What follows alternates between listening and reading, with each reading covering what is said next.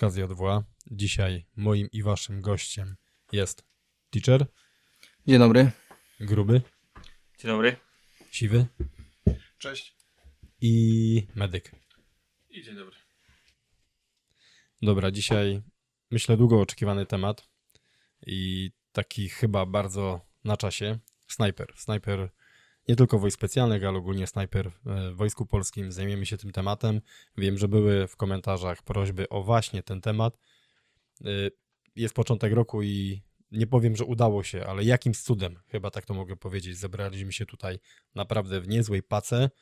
Y, Ku mojej uciesze jest to, że trzech na czterech, nie w sumie jest nas pięciu na czterech uwielbia góry, a jeden z nas, który średnio te góry lubi, był bardzo, bardzo wysoko, ale o tym później. I uwaga, pytanie, słuchajcie, takie na początek. Poza Szymel, film Sniper z 2014 roku, gdzie była to słynna adaptacja mm, u nas z książki Cel Snajpera. Kto tam grał? Nie wiem, kojarzycie, kto tam grał? Nie kojarzycie. To słuchajcie, zaraz wujek Google tutaj pomoże. No, Bradley Cooper. Tak. A, to ten film, okej. Okej, czyli American Sniper 2014 rok, amerykański wojenny dramat. Yy, Bradley Cooper właśnie w nim grał i yy, reżyseria Clint Eastwood.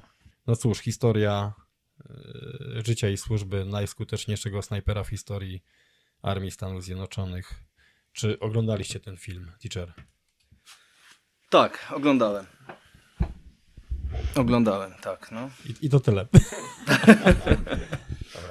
Na ile w Twojej opinii ten film jest y, motywujący i na ile on jest, przedstawia takie faktycznie realia życia, życia snajpera? O, moim zdaniem, jeśli chodzi o rodzinę, to faktycznie mogły być tam kwestie, które, które styka, z którymi stykamy się na co dzień, lecz jeśli chodzi o samo działanie, taktykę i zachowanie na stanowiskach ogniowych, które przyjmował, no to już odchodzimy jakby od realiów, bo wydaje mi się, że ludzie oglądając film nie chcą widzieć prawdy, bo zgoła się różni od tego, co można, można oczekiwać. Więc jeśli chodzi o kwestie psychologiczne i jego zachowanie poza, owszem, tak, zgadzam się z tym, ale jeśli chodzi o taktykę, no to wiadomo, każdy ma swoje jakieś aluzje. Myślę, że oglądać film wojenny z kimś, kto służy, to jest zawsze ciężki problem, zwłaszcza dla jego partnerki albo żony. Dokładnie. Y, czyli ogólnie dobrze to nakręcili, bo ogląda się to szybko, a jak wiemy, realia są takie, że cokolwiek widzimy na ekranie telewizora, gdyby to było w realiach przedstawione tak, jak jest naprawdę, to nie byłoby takie ciekawe do końca. Y, Gruby, oglądałeś ten film? Oglądałem film. Okej, jakie na tobie wrażenie ten film zrobił? E, Myślę, że bardzo podobne mogę mieć, nie wiem, wnioski z tego filmu. Też no, taktyka odbiega gdzieś tam. W ogóle ta historia jego była trochę zmieniona na potrzeby filmu, a gdzieś te aspekty powrotów do domów i kontaktów z ludźmi, z rodziną, no to można powiedzieć, że gdzieś tam no jest to bliskie naszemu, bo też często wyjeżdżamy gdzieś ten pierwszy tydzień, dwa, zanim każdy wróci nawet z zwykłego poligonu, to jest y, trudniejsze, żeby się znowu zgrać z rodziną i potem wejść w życie normalne. Dokładnie, czyli poruszamy tu taki mocny aspekt. Siwy, oglądałeś film? E, tak, oglądałem. No, zgodzę się tu z moimi przedmówcami w pewnym sensie, aczkolwiek uważam, że generalnie filmy o snajperach, jakiekolwiek, które wyszły, to jest troszkę takie, jakbyśmy chcieli nagrywać hmm, e, powieść o życiu niedźwiedzia brunatnego na podstawie Kubusia Pochatka, prawda? Jest wiele rzeczy po prostu niepokazane. To jest taki wierzchołek góry lodowej. Wszyscy widzimy ten taki etos snajpera, samotny wojownik, wiadomo. No to już to niestety tak dzisiaj nie wygląda. Także uważam, że jeżeli chodzi właśnie o ten aspekt psychologiczny, to jak najbardziej jest to zrobione dobrze, tak? Pokazuje to takie to, co robi wojna z człowiekiem, ale pod względem takiej mm, taktyki działania, wyszkolenia tych żołnierzy kompletnie odbiega od realiów. Okej. Y, Medyk? Film oglądałem, ale poruszę kwestię tą, którą powiedziałeś na początku. On jest z którego roku? 2014 rok. Dobra, to powiedzmy wtedy nie byłem w służbie, Mhm. e, więc e, film oglądając wtedy wywarł na mnie ogromne wrażenie. Oglądałem z wypiekami na twarzy, bo oczywiście snajper, zawsze się tym interesowałem i tak dalej. E, A będąc już, w służbie, e, robiąc e, troszkę rzeczy związanego z, z, ze snajperstwem, Próbowałem to obejrzeć, niestety nie dobrnąłem do końca. Okej, ale to słuchajcie, to uważam, że to jest bardzo fajny aspekt, który tutaj poruszamy, bo mamy opinie osoby, które jakby można powiedzieć były w służbie i osoby, które nie były w służbie i teraz na pytanie, czy ten film mógłby być motywujący oraz czy on mógłby zachęcić przykładowo kogoś do tego, żeby rozwijać się w działce snajperskiej, a kto nie miał z tym nic wspólnego wcześniej, to myślę, że jest to dobry materiał na taką właśnie motywację. No to pozwolę się wypowiedzieć, że y, jeśli ktoś będzie rozpatrywał tylko pod kątem tego filmu by- bycie tym powiedzmy snajperem, to może się rozczarować tak naprawdę. Z jednej strony ok, patrzymy na działania, jakie tam wykonuje, Mhm. y, troszkę pod, tak, pod wpływem, pod względem gry komputerowej, o tak, ale później przychodzimy tutaj i zaczyna się marznięcie, brak jedzenia, brak wody, zmęczenie, kilka dni w lesie, tudzież w innym terenie.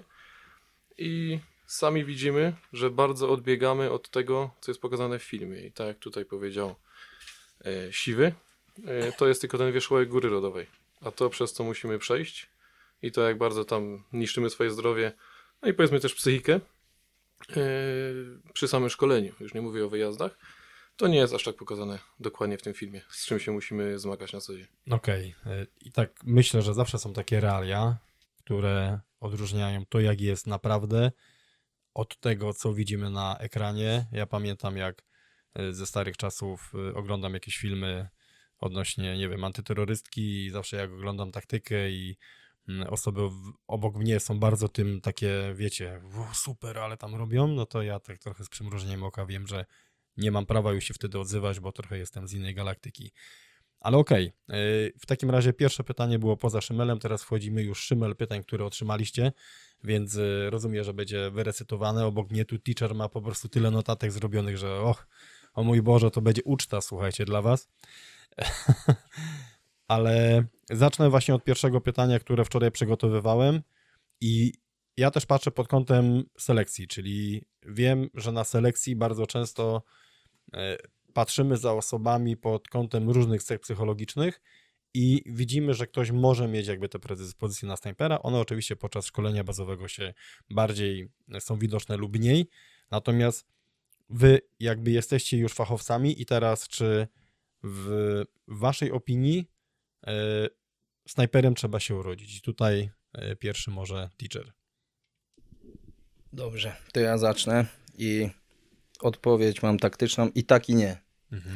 Ponieważ na pewno można się urodzić z pewnymi predyspozycjami do tego etatu, ale jak i można je wytrenować. Na swoim przykładzie powiem, że nie idąc do tej jednostki nie myślałem o tym, że będę snajperem, ale świętej pamięci były dowódca Berdychowski wyznaczył mnie po selekcji na ten etat i tak już się to ułożyło i tyczy się do dziś.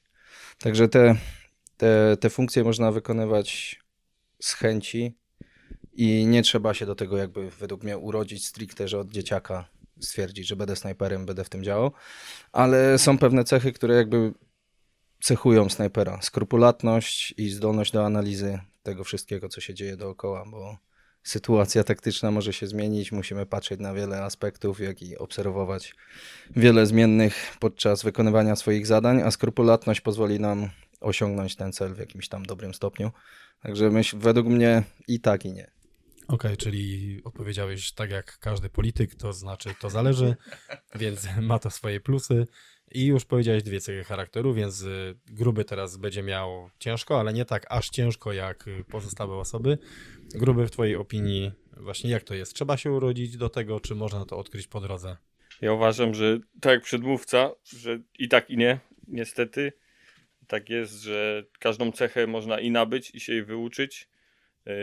Z takich rzeczy, które mi przychodzą do głowy, no to jest na pewno wszechstronność, bo działka snajpera to nie jest, yy, to nie jest główna działka, można powiedzieć, bo najpierw trzeba zostać tym szturmanem, potem się zostaje snajperem, a potem jeszcze najlepiej jakby ktoś, nie dodatkowo był radzikiem lub medykiem, bo też ci snajperzy są gdzieś tam w mniejszych grupach działają i oni muszą mieć tych funkcji trochę więcej. e, Na więcej tematów się znać i po prostu być dobrym w każdej rzeczy. Nie musi być wybitny w jednej, tylko po prostu dobry z każdego, że z, nie wiem, powiedzmy w grupie trzyosobowej są w stanie sami się zaopatrzyć, nie wiem, rany, nadać meldunki i tak Mhm. dalej i wszystko zrobić. Okej. Siwy? Dobra, to ja może będę tak. Żeby urodzić się snajperem, to przydałaby nam się krzyżówka Wolverina, czubaki i świni. No nie? Kręgosłup z adamantium, włosy jak, jak przepraszam, jak, e, no, jak czubaka, żeby nie zmarznąć, no i żołądek jak świnia, no nie? No to oczywiście tak pół żartem, pół serio.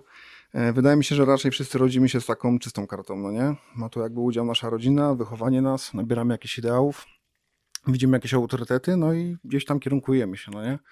Stwierdzamy nagle, że hmm, kimś tam chcę zostać, tak? Ja nie mówię, że kon- konkretnie snajperem, tak? Ale może chirurgiem, piekarzem, kimkolwiek. No i teraz pada pytanie, no nie? Chcę być, czy może jednak chcę być, ale też robię coś w tym kierunku. No i przede wszystkim tutaj uważam, że jest coś takiego jak świadomość tego, co ja będę robił, no nie? Dużo chłopaków przychodzi do nas do jednostki tak naprawdę i nie mają jeszcze do końca świadomości, z czym wiąże się ta służba, no nie?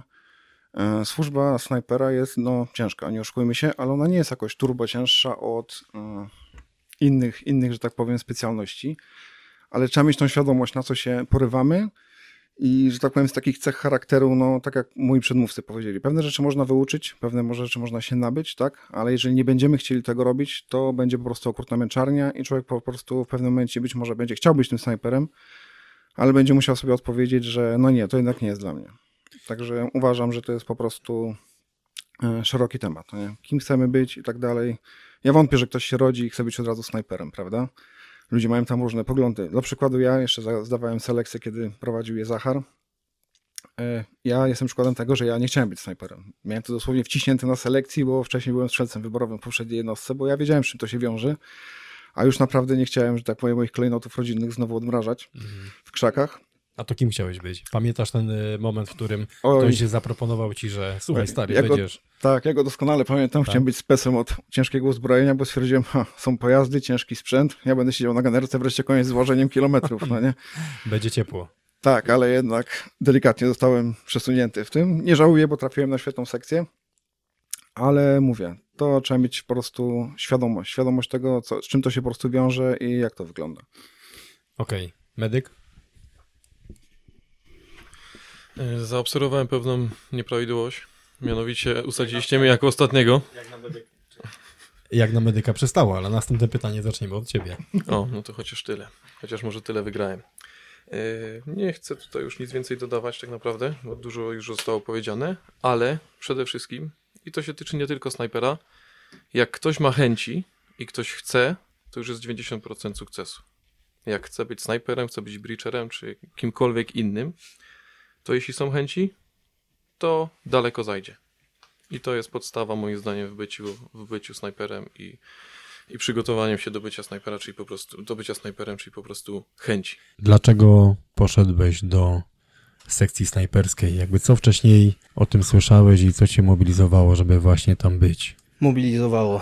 Na pewno utarło się już w kulturze wojskowej, że snajper to osoba najbardziej wyszkolona, elita z elity, osoba, która wie najwięcej na wszelakie tematy i z takich motywujących rzeczy to na pewno szkolenie, bo snajper musi umieć wszystko to, co operator plus swoją działkę i ma możliwość udziału we wszystkich jakichkolwiek szkoleniach, jakie są na jednostce organizowane, czyli na pewno osiągnie wysoki poziom technik linowych, będzie chodził po wysokich górach, będzie skakał ze spadochronem, będzie przemieszczał się wszystkimi statkami powietrznymi, jak i lądowymi, jak i pewnie morskimi e, z operatorami, więc tutaj jest spektrum wielkie możliwości. Jeśli kogoś to interesuje i kręci, to na pewno może w tą stronę pójść, bo ma wtedy możliwości rozwijania się w wielu kierunkach, nie tylko, nie tylko jakiejś tam działce na przykład strzeleckiej.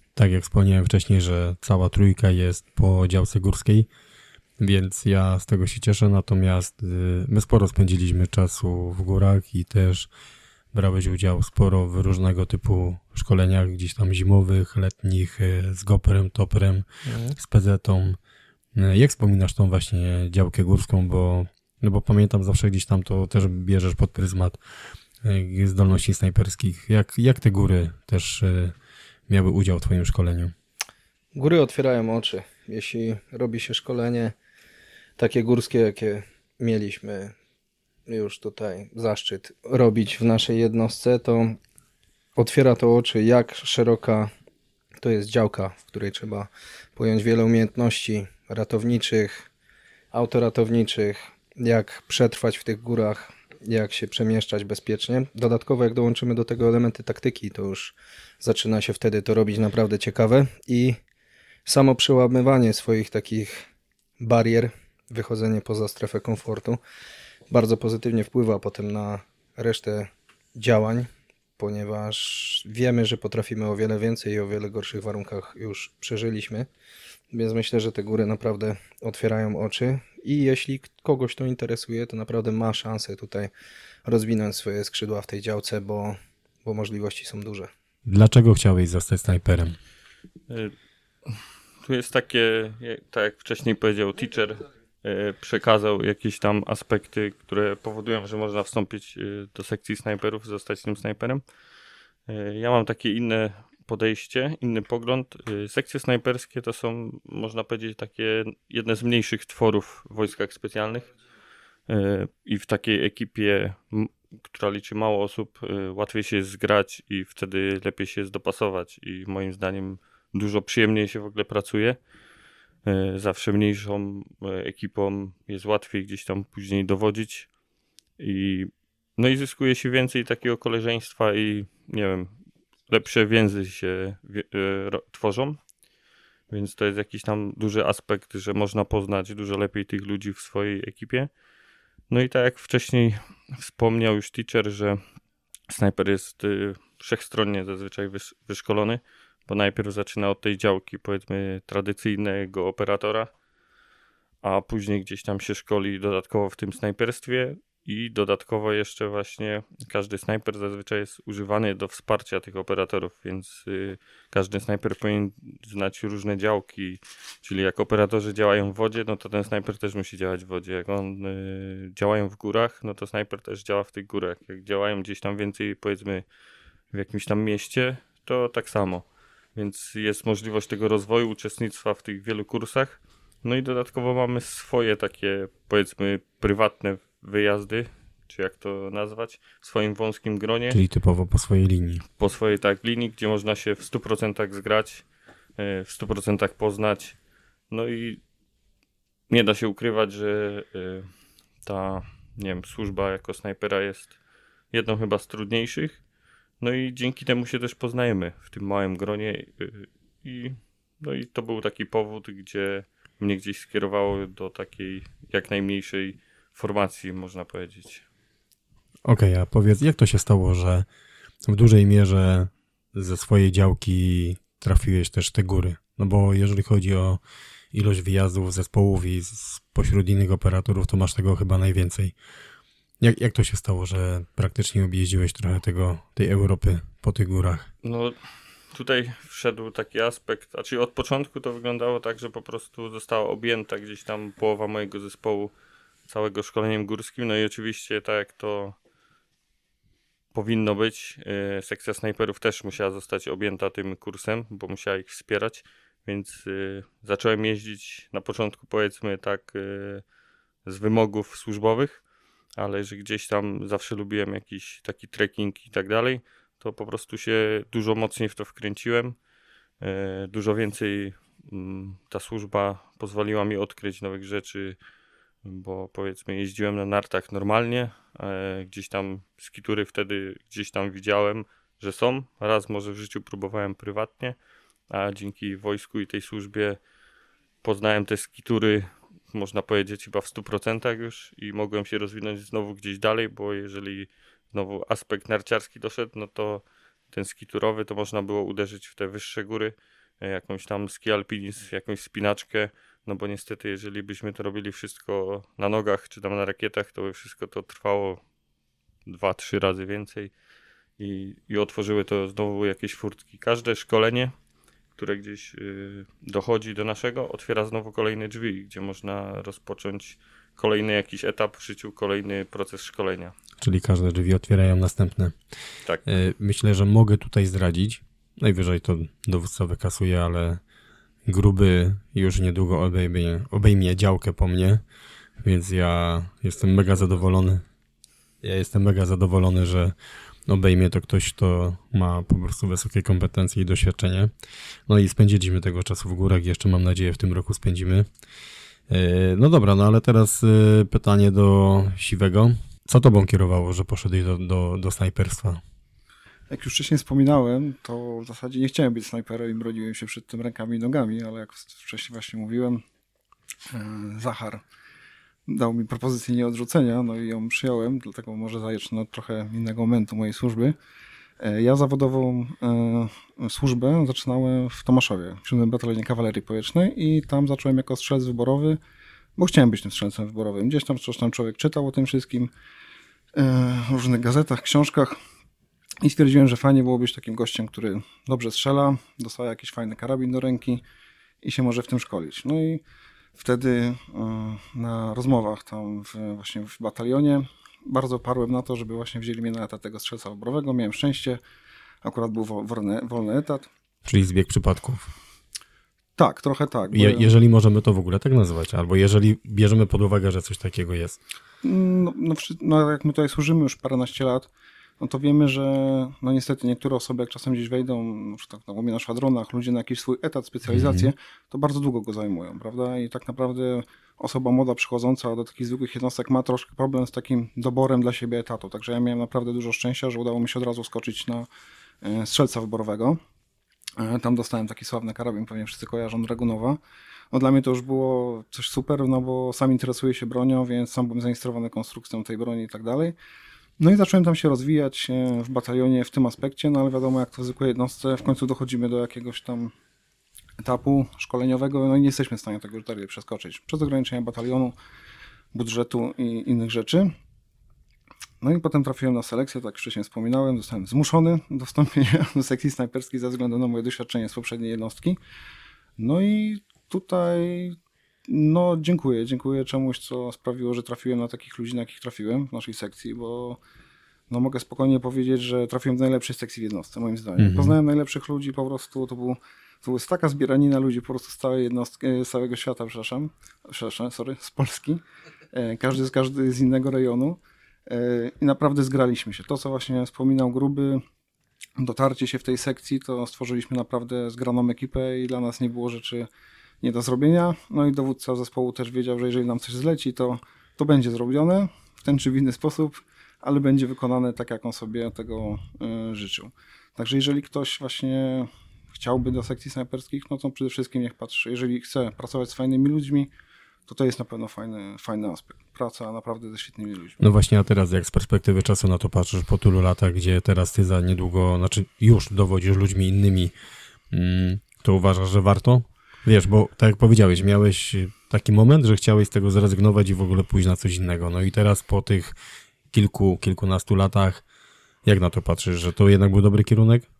Mm, Myślę, że trafiłem, lepiej trafić nie mogłem. Mhm. Myślę to w ten sposób, bo e, służą, ja w Tomaszowie w 7 batalionie przesłużyłem 7 lat.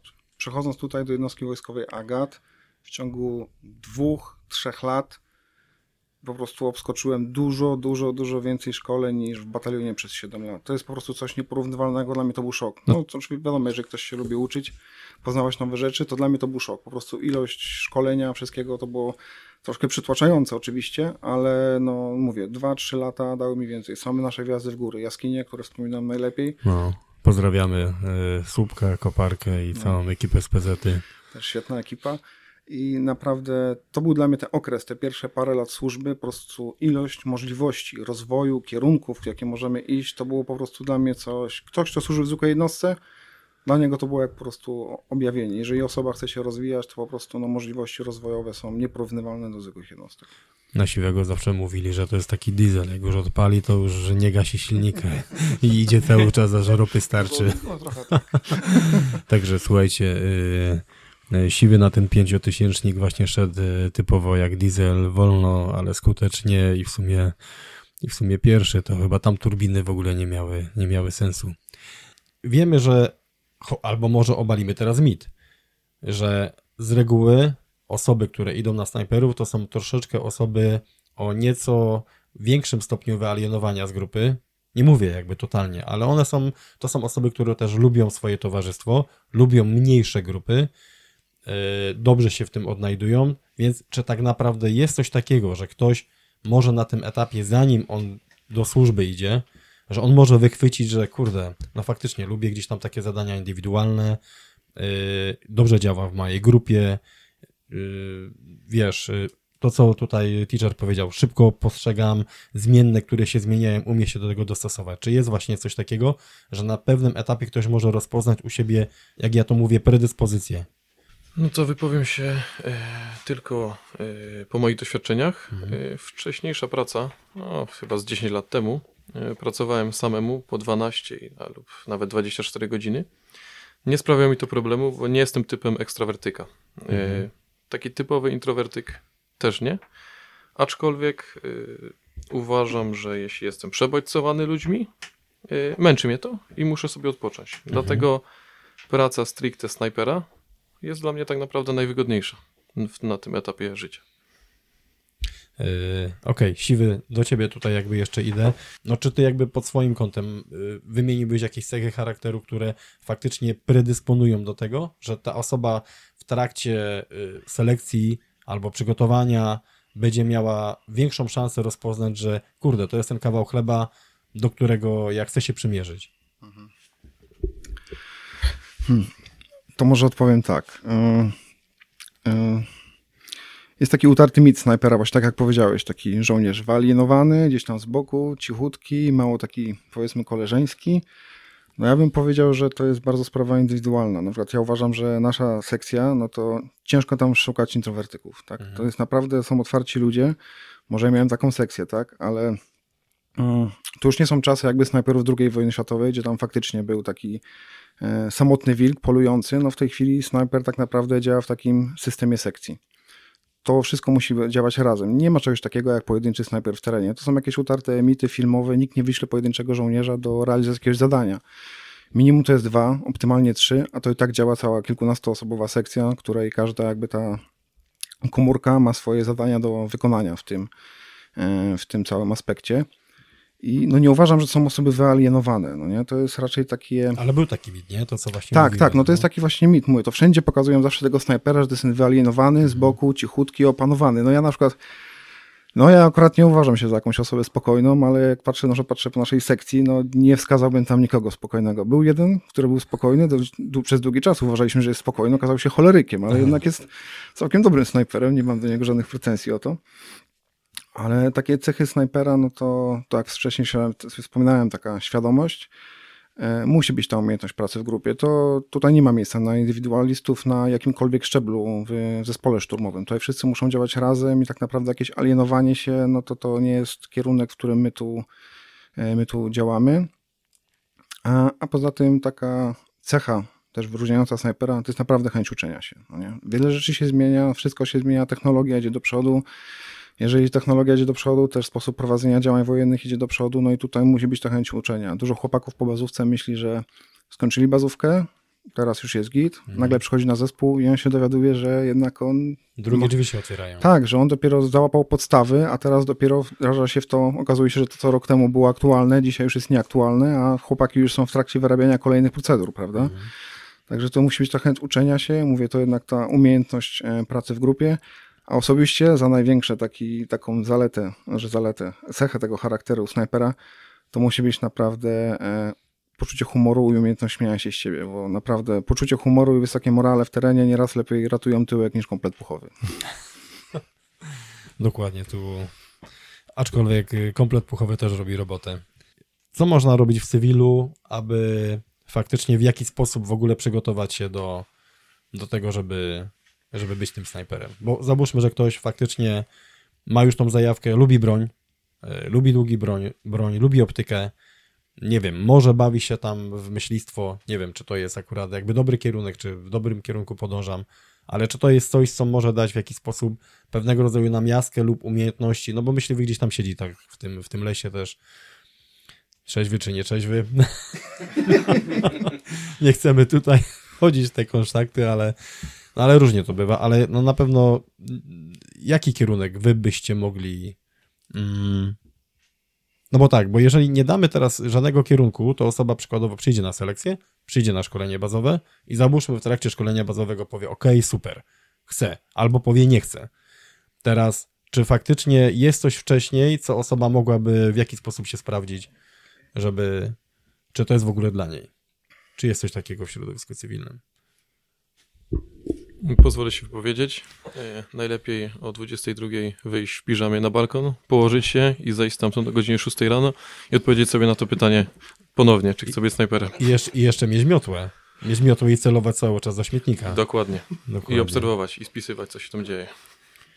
To ja może powiem taką anegdotę z życia swojego, bo nigdy nie brałem udziału w żadnych takich szkoleniach strzeleckich za młodych lat ani nic takiego, ale kiedyś mój ojciec miał wiatrówkę, klasycznie łamaną. No i pewnego dnia, w słoneczny, letni dzień, jak byłem sam w domu, no oglądałem się jakichś dziwnych filmów i nie wiem ile wtedy miałem lat 13 może. Zrobiłem sobie stanowisko ogniowe w pomieszczeniu. Dostawiłem stół, stół ze stołowego pokoju pod okno. Pociąłem starą firankę mamy z szafy wyciągniętą, zamaskowałem tą wiatrówkę i w ciągu kilku godzin, bo to chyba zeszło mi z 4 albo 5 godzin, mierzyłem, ale nie raniłem żadnego gołębia na budynku obok. Zachowując pełne zasady powolnego chowania tej broni i zasad maskowania tej broni, ale żadne zwierzę nie ucierpiało. Także... Czyli w trakcie kręcenia tego materiału żadne zwierzę nie ucierpiało. Tak, dokładnie, ale to, to i tak jak mówię, I, ile nie, miałeś lat wtedy, kojarzysz? myślę, że z 13 lat, ale nie brałem żadnych lekcji strzele, strzelania, nic się nie uczyłem, nie chodziłem i na żadnych leków. Tak, żadnych leków nie brałem. Do dziś nie biorę, także taką miałem przygodę, tak Ale wiesz, skąd, ale wiesz skąd to się mogło w ogóle wziąć? Bo, bo ja tutaj jeszcze, ja pamiętam czasy, jak szło się na jarmark yy, w kościele, który był robiony, czyli raz w roku był robiony jarmark i ja też z miłą chęcią mówiłem, tato, tato, daj mi tutaj pieniądze, żebym szczelił z wiatrówki. Yy, Czasem trafiałem, czasem nie trafiałem, zawsze sobie wmawiałem, że tam kręcili te śruty, albo że lufa była tam skrzywiona trochę, żeby nie wygrać tego pluszowego misia. W każdym razie uszczelenie lizaka w obecności kobiety to było naprawdę coś. Więc y, u mnie to się wzięło przykładowo z westernów. No bo lata 80. westerny, oglądało się tego dużo, więc mimochodem podświadomie ja to brałem do siebie. Tak, no ja na pewno też, bo co niedzielę był rytuał z moim ojcem, oglądaliśmy westerny, także może, może miało to Może wpływ jest na to, tak. Czyli John Wayne i Clint Eastwood. Tak jest. E, Okej, gruby na razie nic nie mówi. Czy ja mogę dodać coś do tego? To, to dodaj. Bo z takich y, rzeczy, których można gdzieś tam się nauczyć, to na pewno jest y, wychodzenie ze strefy komfortu, bo niestety ta nasza, nasza praca jest y, no, mega obciążająca, nie jest to wygodna y, robota i nie zawsze jest to, co każdy by oczekiwał, czyli te strzelanie. Nie? Często się kończy nasza praca na tym, że leżymy przez dwa dni, patrzymy na śmietnik tak zwany i i tyle. I na tym się kończy. Przekazujemy tylko informacje dla kogoś i się wycofujemy i kto inny robi tą fajniejszą część roboty, czyli se tam idzie, nie wiem, postrzelać, czy, czy coś, Resztę. powiedzmy, adrenalinę dostarczyć sobie. Nie? Wisienka na torcie. Więc y, na pewno to wychodzenie z, ze strefy komfortu jest taką cechą gdzieś tam, a czyli cechą, no to jest coś, co po prostu można robić już przed wojskiem. Y, I to w różnych odbiegania, po przez chodzenie nie wiem, po górach, morsowanie i różne dziwne takie rzeczy, bo to na pewno gdzieś tam przygotuje organizm i przygotuje naszą psychikę do tego, że nie zawsze będzie kolorowo. E, Tutaj jak chłopaki właśnie powiedzieli, mm, przede wszystkim właśnie to wychodzenie z tej strefy komfortu, to jest warto się bawić w jakiś survival, biwakowanie, no bo tylko wiadomo, trzeba sobie to troszkę stopniować. Wyjście w lato i przespanie się w nocy w lesie w lato to nie jest żaden wyczyn, To prawda? nie jest survival. Tak, ale spędzenie nocy w zimę albo w mokrą jesień, e, tylko nie na zasadzie spędzenie, że przetrwałem i stoję cały się trzęsę, tylko umiejętność przygotowania sobie tego wszystkiego tak, żeby spędzić to komfortowo. To nie jest tak, że my idziemy do lasu i my pierwszego dnia już tam telepiemy się cały zimno, no bo już znamy troszkę myków, haków, jak to się do tego przygotować i u nas to trochę, troszkę trwa to trochę dłużej, ale w końcu koniec końców dochodzi no, do takiego e, wy- wycieńczenia tego organizmu. Ze swojej strony mogę też powiedzieć, że wszelkie takie organizacje proobronne to nie jest głupi pomysł. Ja już w wieku 15 lat już zacząłem tam zabawę właśnie w takich stowarzyszeniach proobronnych, e, a dokładnie w Związku Strzeleckim. No tam spotkałem sporo ludzi, którzy jakby podzielali moje zainteresowania i tam wzajemnie się do tego motywowaliśmy. W naszej jednostce de facto jest całkiem sporo osób właśnie po Związku Strzeleckim i są to tacy wartościowi żołnierze na zespołach. E, Do tego mm, no, mógłbym dorzucić taką naukę strzelania, ale pod względem technicznym, strzelectwa sportowego. Ono się będzie całkowicie różniło, kiedy już dojdzie do strzelań bojowych i tak dalej, ale nauka takiego technicznego ściągania spustu na pracę nawet na wiatrówkach czy KBKS-ach to będzie bardzo mile widziana. No i tu też tak chciałbym przestrzec przed takim mm, wyszukiwaniem informacji w internecie, no nie? E, Jest naprawdę masa, masa głupot w internecie i trzeba nauczyć się szukać tych źródeł. Naszą jedną taką główną działką jest jakby zdobywanie informacji, analiza tego, co będzie potrzebne, a co, co warto zaznaczyć. Więc w internecie jest naprawdę dużo głupot i ze względu i pod kątem balistyki, broni, wszystkiego i tak dalej. I ciężko naprawdę jest też z tego wyłuskać. No nie? Musimy się nauczyć takiego zdobywania informacji na zasadzie przeczytać to, zdobyć jakąś wiedzę, ale zweryfikować ją na kilku źró- źródeł. To jest też umiejętność takiego wyszukiwania informacji i tak jak wspomniałem właśnie mm, jest sporo takich internetowych komandosów. Ja po prostu czasem jak czytam jakieś fora, to jest najgorsze raczysko w ogóle świata strzeleckiego i tak dalej i niestety tak samo odnosi się to do e, snajperstwa. Miałem okazję być na kilku na przykład zawodach e, ze strzelań precyzyjnych i to, co ludzie po prostu tam są reprezentują, którzy wydawałoby się, że mają pieniądze, mają dost- mieli, mogliby mieć dostęp do odpowiednich informacji, odpowiedniej wiedzy, zwalają po prostu wszystko na sprzęt. No nie? To, to, że mu nie poszło strzelanie, to ciężko jest przed samym sobą przyznać, że mi nie idzie to strzelanie, tylko jakby wszystko pakują w sprzęt. To jest takie właśnie mylne. Tak jak my zawsze się śmiejemy, ktoś z nas kupuje dobre buty do biegania. To już nie trzeba tyle biegać, bo przecież te buty pobiegną za mnie. No, No, tak one samo. już są. One już Tak, tak, Tak. A tak samo jest z bronią. Kupa ludzi wydaje majątek na broń prywatną, a potem się okazuje, że to jednak to, to nie, nie broń zawodzi, no nie? Ale ciężko przed sobą przyznać, że to no ja nie poświęciłem czasu e, na trening, no nie? Żeby z tego dobrze strzelać. Także mówię, szukanie, większość tak naprawdę ludzi nie ma pojęcia, jak wygląda nasza robota, no nie? I oni i przez to mają problem tak naprawdę zdobycia odpowiedniej wiedzy, która mogłaby ich w tym kierunku, e, w tym kierunku, na ten kierunek naprowadzić. Także myślę, że przede wszystkim to wyszukiwanie wiedzy i nauczenie się takiego selekcjonowania wartościowych rzeczy. No tak, tylko poruszyłeś tutaj też taką ciekawą kwestię, bo po pierwsze, żeby selekcjonować tą wiedzę, to musisz mieć doświadczenie, już jakieś, czyli w jaki sposób weryfikujesz to na podstawie tego doświadczenia, jakie masz. To jest jakby pierwsza rzecz. Druga rzecz, też powiedziałeś, że byłeś e, w pewnego rodzaju formacjach paramilitarnych i dosyć wcześnie zacząłeś swoją przygodę ze strzelectwem, czyli dochodzimy też do kwestii wzorców. Czyli ty też przystępując tam przykładowo do tego stowarzyszenia, też patrzyłeś na ludzi, którzy w jakiś sposób mogli cię inspirować i też już rozpocząłeś tam na tym etapie weryfikację, że okej, ten gościu to co mówi, to ty to widzisz na tarczy, to odzwierciedla też w jego zachowaniu i w tym, jakim on jest człowiekiem. E, Więc ten szum informacyjny, który jest teraz, tak jak powiedziałeś, jest bardzo dużo pseudokomandosów, no jest mega niebezpieczny, a też myślę po części, że ten podcast jest takim, taką kwestią, która potrafi pewne rzeczy, czy zweryfikuje jakby pewne tematy. Natomiast już całkowicie pytanie poza, poza jakby tematem, czy jest jakieś źródło, które y, byłbyś przykładowo w stanie po- poradzić dzisiaj komuś? Że jak ktoś by chciał faktycznie dziubnąć troszeczkę tych tematów, o których mówimy, to warto tam sięgnąć, bo, no bo ta osoba jest warta polecenia. Znaczy powiem tak, ogólnie pojęte fora anglojęzyczne, tam ludzie jednak mają troszkę większe pojęcie na ten temat, no ale tutaj wiadomo musi być jakaś znajomość języka angielskiego.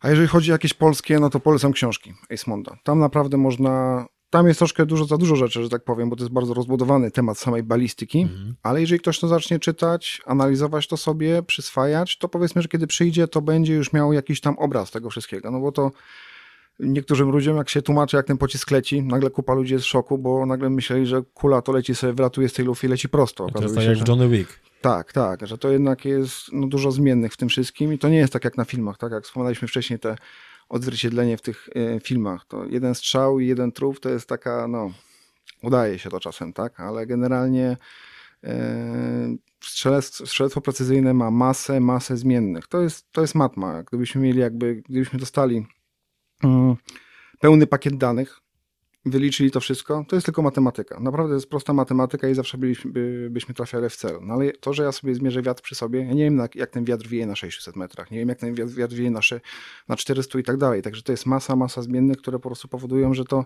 to nie jest tak jak na filmach, że Chris Kali się kładzie, strzela na półtora Bach. kilometra w cel, który ledwo widzi i trafia i jest koniec filmu i jest, jest super git, bo tak dalej, bo on strzelił. No pierwsze pierwsze co, to nawet nie wiadomo, czy on rozpoznał ten cel, tak? A każdy z nas tutaj wie, że rozpozna, jeżeli nie rozpoznamy celu, to nie mamy prawa nawet nacisnąć, e, nacisnąć spustu. Także tak jak mówisz, ten szum informacyjny, jakieś doświadczenie, takie doświadczenie życiowe też, tak? No bo naprawdę czasem ludzie piszą takie rzeczy w tym internecie, że to się po prostu człowiekowi w głowie nie mieści, w jak chorej głowie to musiało się zrodzić. Y, Okej. y, Medyk?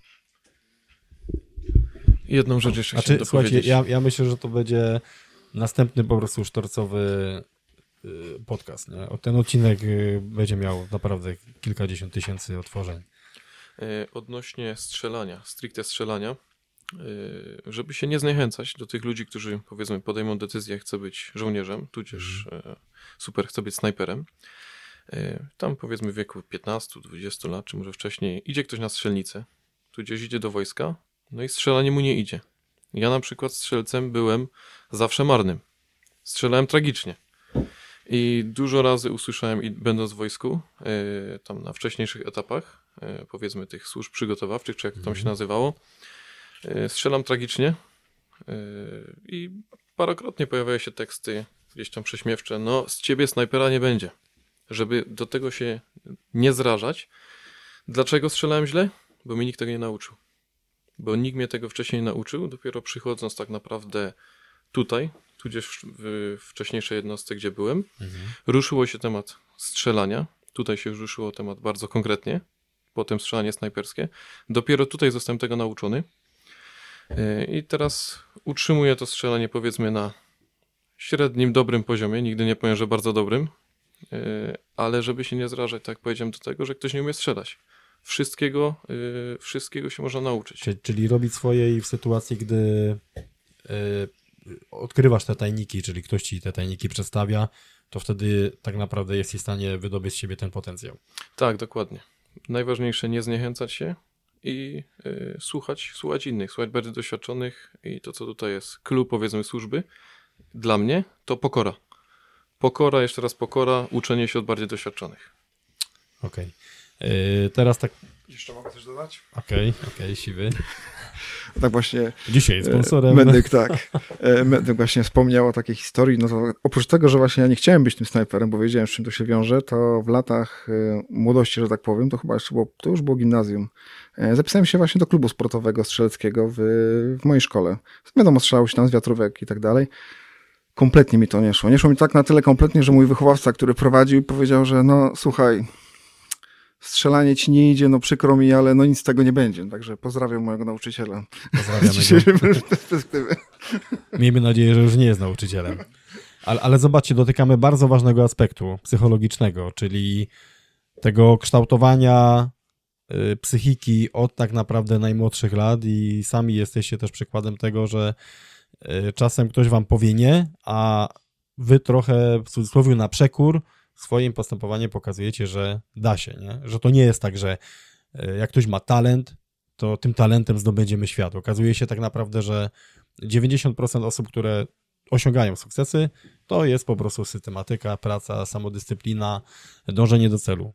Tak naprawdę większość osób, które mają talent, z reguły ten talent zaprzepaszczają. I teraz, okej, i teraz medyk. Wi- Widzę, że w ogóle prawa strona tutaj jest bardzo aktywna, zaraz tutaj zaktywizuję lewą stronę. Jedną, jedną rzecz chciałem dopowiedzieć, bo tak jak zacząłem o tym strzelaniu, żeby się nie zniechęcać, e, to tak już e, historia z mojego dzieciństwa, wczesnych lat. E, Byłem bardzo chorowitym dzieckiem. Astma oskrzelowa, alergie i tak dalej, cały czas powiedzmy po Coś się lekarzach. cały czas coś się działo. Tak powiedzmy kolokwialnie na chłopski rozum, nie miałem szans, żeby iść w ogóle do wojska. Ale podjąłem taką decyzję, że zawsze chciałem, za dzieciaka chciałem i cel zrealizowałem. Więc tutaj już y, abstrahując od tego strzelania, że nie idzie, ale naprawdę miałem problemy zdrowotne, zawziąłem się w sobie i jestem tu, gdzie jestem. Więc tutaj takie przesłanie do kandydatów, do chętnych, którzy chcą iść, żeby nie patrzeć na to, co się dzieje tu i teraz, zdrowotnie, tudzież w innych aspektach, tylko po prostu Patrzeć na swoje marzenia. patrzeć na swoje marzenia i iść do przodu. Okej, yy, zaktywizujemy, bo to jest w ogóle szeroki temat to, co powiedziałeś, bo gdybym ci zadał pytanie, no ale co wpłynęło na to, to pewnie byśmy to tutaj rozwinęli, ale to w następnym podcaście stay tuned.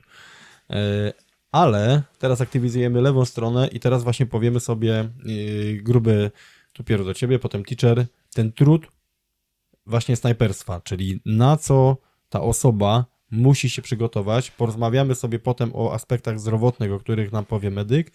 Natomiast na co musi być gotowy ta osoba, która ogląda w internecie, w tych filmach, że tam wchodzi, szczela, pak, a tak jak powiedzieliście wcześniej, częściej to jest obserwowanie, wycofanie. Zresztą to też jest jakby znane, nie ujawniamy tutaj niczego e, tajnego, ale jaki jest ten prawdziwy trud snajpera, który siedzi często po 2-3 dni w błocie, gównie, śniegu, e, nie ma się gdzie załatwić. Są oczywiście na to pewne patenty. Jaki jest ten trud snajpera? To pierwszą rzeczą to jest na, to, to, to, co wcześniej wspomniałem, czyli ta odporność jakaś i przekraczanie tych swoich y, jakichś tam granic. E, No bo niestety ta praca, nieważne jakie są warunki atmosferyczne, no my musimy po prostu wtedy działać i właśnie po kilka dni i to nie, że nie wiem, po 10 godzinach wracamy sobie do ciepłego, żeby się ogrzać i znowu wychodzimy, tylko zazwyczaj to jest tak, że niestety te wycofanie czy gdzieś odejście na chwilę odpoczynku to też nie są wybitne warunki i nadal jest powiedzmy tam słabo. Czyli tak, dla, czyli tak dla przykładu możemy powiedzieć, że normalne przejście z dołu Kuźnic, załóżmy na schronisko, trwa y, godzinkę 10, takim bym powiedział spacerowym tempem, a przejście to taktycznie z całym sprzętem i oporządzeniem to jest tak naprawdę y, dzień i noc. No myślę, że, że cała, cała noc w warunkach, Tak. w warunkach jakichś tam zimowych jeszcze to, to na pewno, że od, od zmierzchu do świtu tak to niestety wygląda, więc, y, więc ta odporność jakaś tam gdzieś musi być i niestety to się wszystko wydłuża. Y, Kolejną taką rzeczą to jest niestety w tym snajperstwie jest takie coś jak monotonia, bo zazwyczaj jak się przygotowuje do jakiegoś tego zadania i nawet już na nim jest, no to powiedzmy sobie teraz wymyślmy jakieś zadanie, no to y, obserwujemy jakiś obiekt, tak? No to my go obserwujemy najpierw, dajmy na to 48 godzin, 72 godziny i tam się zazwyczaj nic nie dzieje na tym obiekcie, dopóki nie ma się Dopóki zadziać. coś się nie zacznie dziać. Tak, więc czasami to jest tak, że po prostu leżymy i patrzymy na ten śmietnik i, i dwa dni tak leżymy, więc wkrada się taka monotonia, więc też trzeba sobie to e, trzeba sobie to jakoś, e, jakoś sobie z tym radzić. I tak jak tu wcześniej Siwy chyba powiedział, że e, że te, te morale w tej ekipie naszej dwuosobowej, trzyosobowej, czy jaka nam zostanie wysłana na zadanie, musi być duże, dlatego jest to poczucie humoru bardzo ważne i y, nie wiem, nie wiem jak to nazwać, radość ze spędzania tego czasu akurat w tej dwuosobowej tam grupce Wspólnej, we wspólnej jamie. Tak, bo, bo naprawdę jakbyśmy tam siedzieli z ludźmi, których się nie lubi, albo nie chce się z nimi tam gdzieś współpracować i tak dalej i wkradła się do tego właśnie monotonia, nuda i, i nic kompletnie więcej, no to niestety nie jesteśmy w stanie żadnego zadania wykonać. Ale ty tak z własnej perspektywy miałeś jakieś takie mocne problemy adaptacyjne właśnie do tego, czy akurat, no czy nie, czy u ciebie to szło naturalnie? Znaczy, no, ja trafiłem tak y, bardzo fajnie akurat, że myśmy, cała ta moja sekcja, która się zawiązała na początku jednostki, no to myśmy byli, myślę, 80%, 90% to była jedna selekcja i jedna bazówka. Więc myśmy się już gdzieś tam wcześniej zdążyli poznać i u nas ta adaptacja bardzo fajnie przeszła i potem jak dochodziły nowe osoby, to dochodziły po jednej osobie, dajmy na to w danym czasie dwie max i one się szybko adoptowały i nie było z tym jakiegoś dużego problemu. Yy, wiadomo, że gdzieś tam mogą się zdarzać jakieś, nie wiem, zgrzyty, ale najważniejsze jest to, żeby sobie to wyjaśnić i potem się dobrze współpracować i tyle. Okej. Teacher?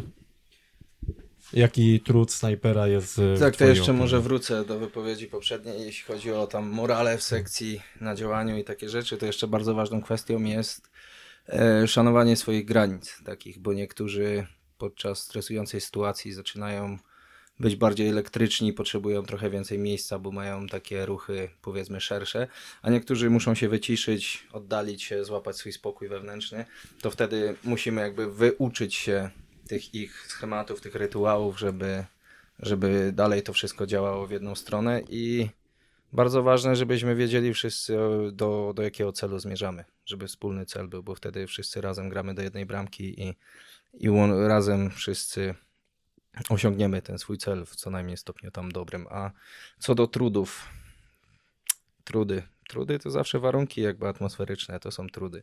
Bo zaplanować, wykonać działanie snajperskie zawsze wiąże się z procesem, który ma czas, okres i, i zawsze to trochę trwa. Zawsze trzeba wszystko przygotować i zapamiętać sobie wszystko, co jest.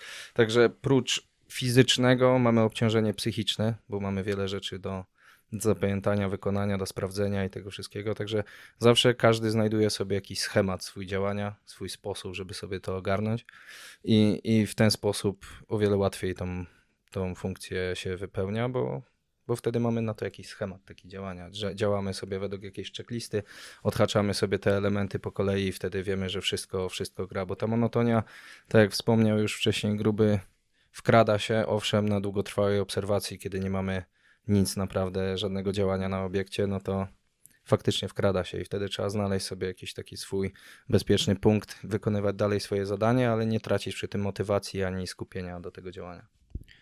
Yy, Okej.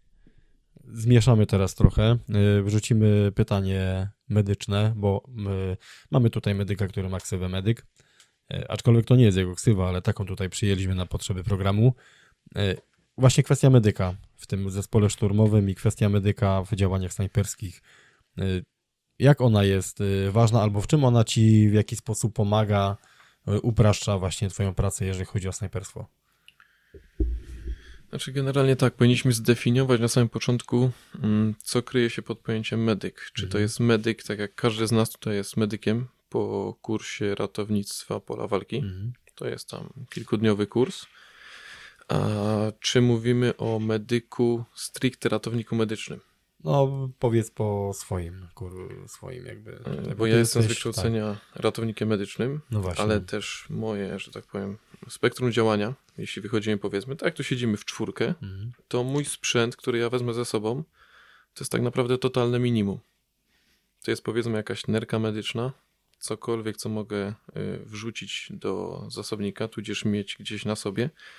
I to nie jest na pewno sprzęt, któremu udzielę zaawansowanej y, pomocy medycznej. To jest, to jest stricte y, podstawowa pomoc Okej. medyczna. A co by to było tak naprawdę, gdybyś wychodził na te działania kilkudniowe, minimalizując sprzęt do, no, do minimum? Przede wszystkim, mm, tak nawiązując właśnie do medycyny, yy, większość yy, rannych, tudzież później osób, yy, które giną, Mhm. ginie przez utratę krwi. Czyli przede wszystkim musimy mieć coś, co nam umożliwi zatamowanie krwotoku, najprościej Mhm. rzecz ujmując, czyli po prostu opaski uciskowe i inne opatrunki. To nam zajmuje tak naprawdę połowę już wyposażenia. I następnie coś, czym mogę udrożnić drogi oddechowe. Też idziemy w najprostszy sprzęt, rurka nosowo-gardłowa. Mhm. I na ten moment tak naprawdę to jest główne moje wyposażenie. Okej, a czy kwestie to, że jesteś ratownikiem medycznym, w jaki sposób i, i masz znajomość ludzkiego ciała i działania tego ludzkiego ciała na pewno w większym stopniu jak każdy tutaj z nas, no chyba, że z nas każdy ktoś, nie wiem, w domu ma myszkę i ją tam tnie i rozbiera i zawiązuje aortę i coś tam jeszcze. Myszka ma troszkę inaczej y, organy wewnętrzne. No. no. No to właśnie o tym mówię, o tym mówię. To... Ale nie, nie, nie ciąłem nigdy myszki, żeby Okej, nie było. Okej, czy to w jakiś sposób ułatwia tobie działanie w polu? Powiem tak, ciężkie pytanie. No. Ciężkie pytanie zadałeś. Eee,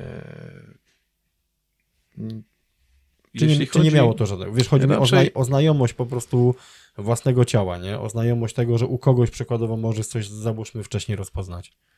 Aha, jeśli tak pod Tak, względem twojego- medycznym, Tak, nie, to tutaj już drużyny. nawiązujemy też do takich głównych mankamentów e, służby jako Mhm. snajper, czyli, czyli tego, z czym się borykamy zdrowotnie. E, przede wszystkim, tak jak było powiedziane, warunki atmosferyczne, czyli e, hipotermia, wychłodzenie Mhm.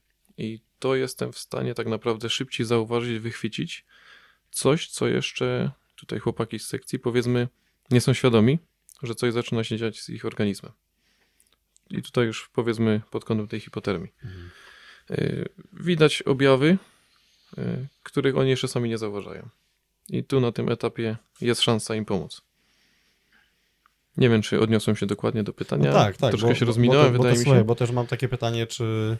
y, Ale to jest takie zawadiackie pytanie, czy znajomość medyczna pozwala lepiej zlikwidować cel? Powiem tak. mm, Jest różnica w strzelaniach naszych, czyli wojskowych, Mhm. i jest też różnica w strzelaniach policyjnych, czyli nazwijmy to zakładniczych. Tak. E, Przyjęło się, jak to się dokładnie nazywa, literka T, którą możemy sobie narysować na twarzy, czyli gałki oczne przez nos do linii Mhm. ust. E, To jest miejsce, w, w które celujemy w przypadku strzelania zakładniczych.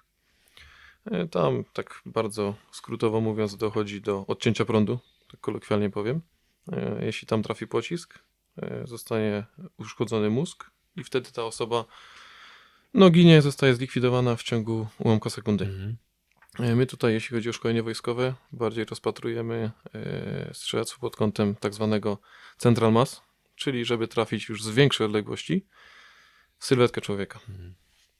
Czyli to jest nasza podstawa. Te strzelania zakładnicze już y, schodzą na, na drugi plan. Tak, ale, ale to są takie informacje, ja o tym i, i czytałem o tym i w, w poprzedniej firmie też właśnie tak jak powiedziałeś, działania zakładnicze, czyli głównie, no bo tam się jakby tym zajmowaliśmy, więc to, to jest takie, bym powiedział, jakby powszechne. Yy, Okej, teacher tu przejął, że tak powiem, mikrofon. Ja mam tylko anegdotę, anegdotę do tego, że strzał w głowę boski, ale w nogi też fajowski. W zależności od tego, co musimy wykonać i jakie jest dla nas zagrożenie, to czasami lepiej nie skupić się na tej głowie, jeśli nie mamy pełnego obrazu. Lepiej trafić i razić ten cel w jakikolwiek sposób, wykluczyć go z gry, niż, niż bawić się w jakieś takie turbostrzelanie, że muszę go trafić w prawe oko.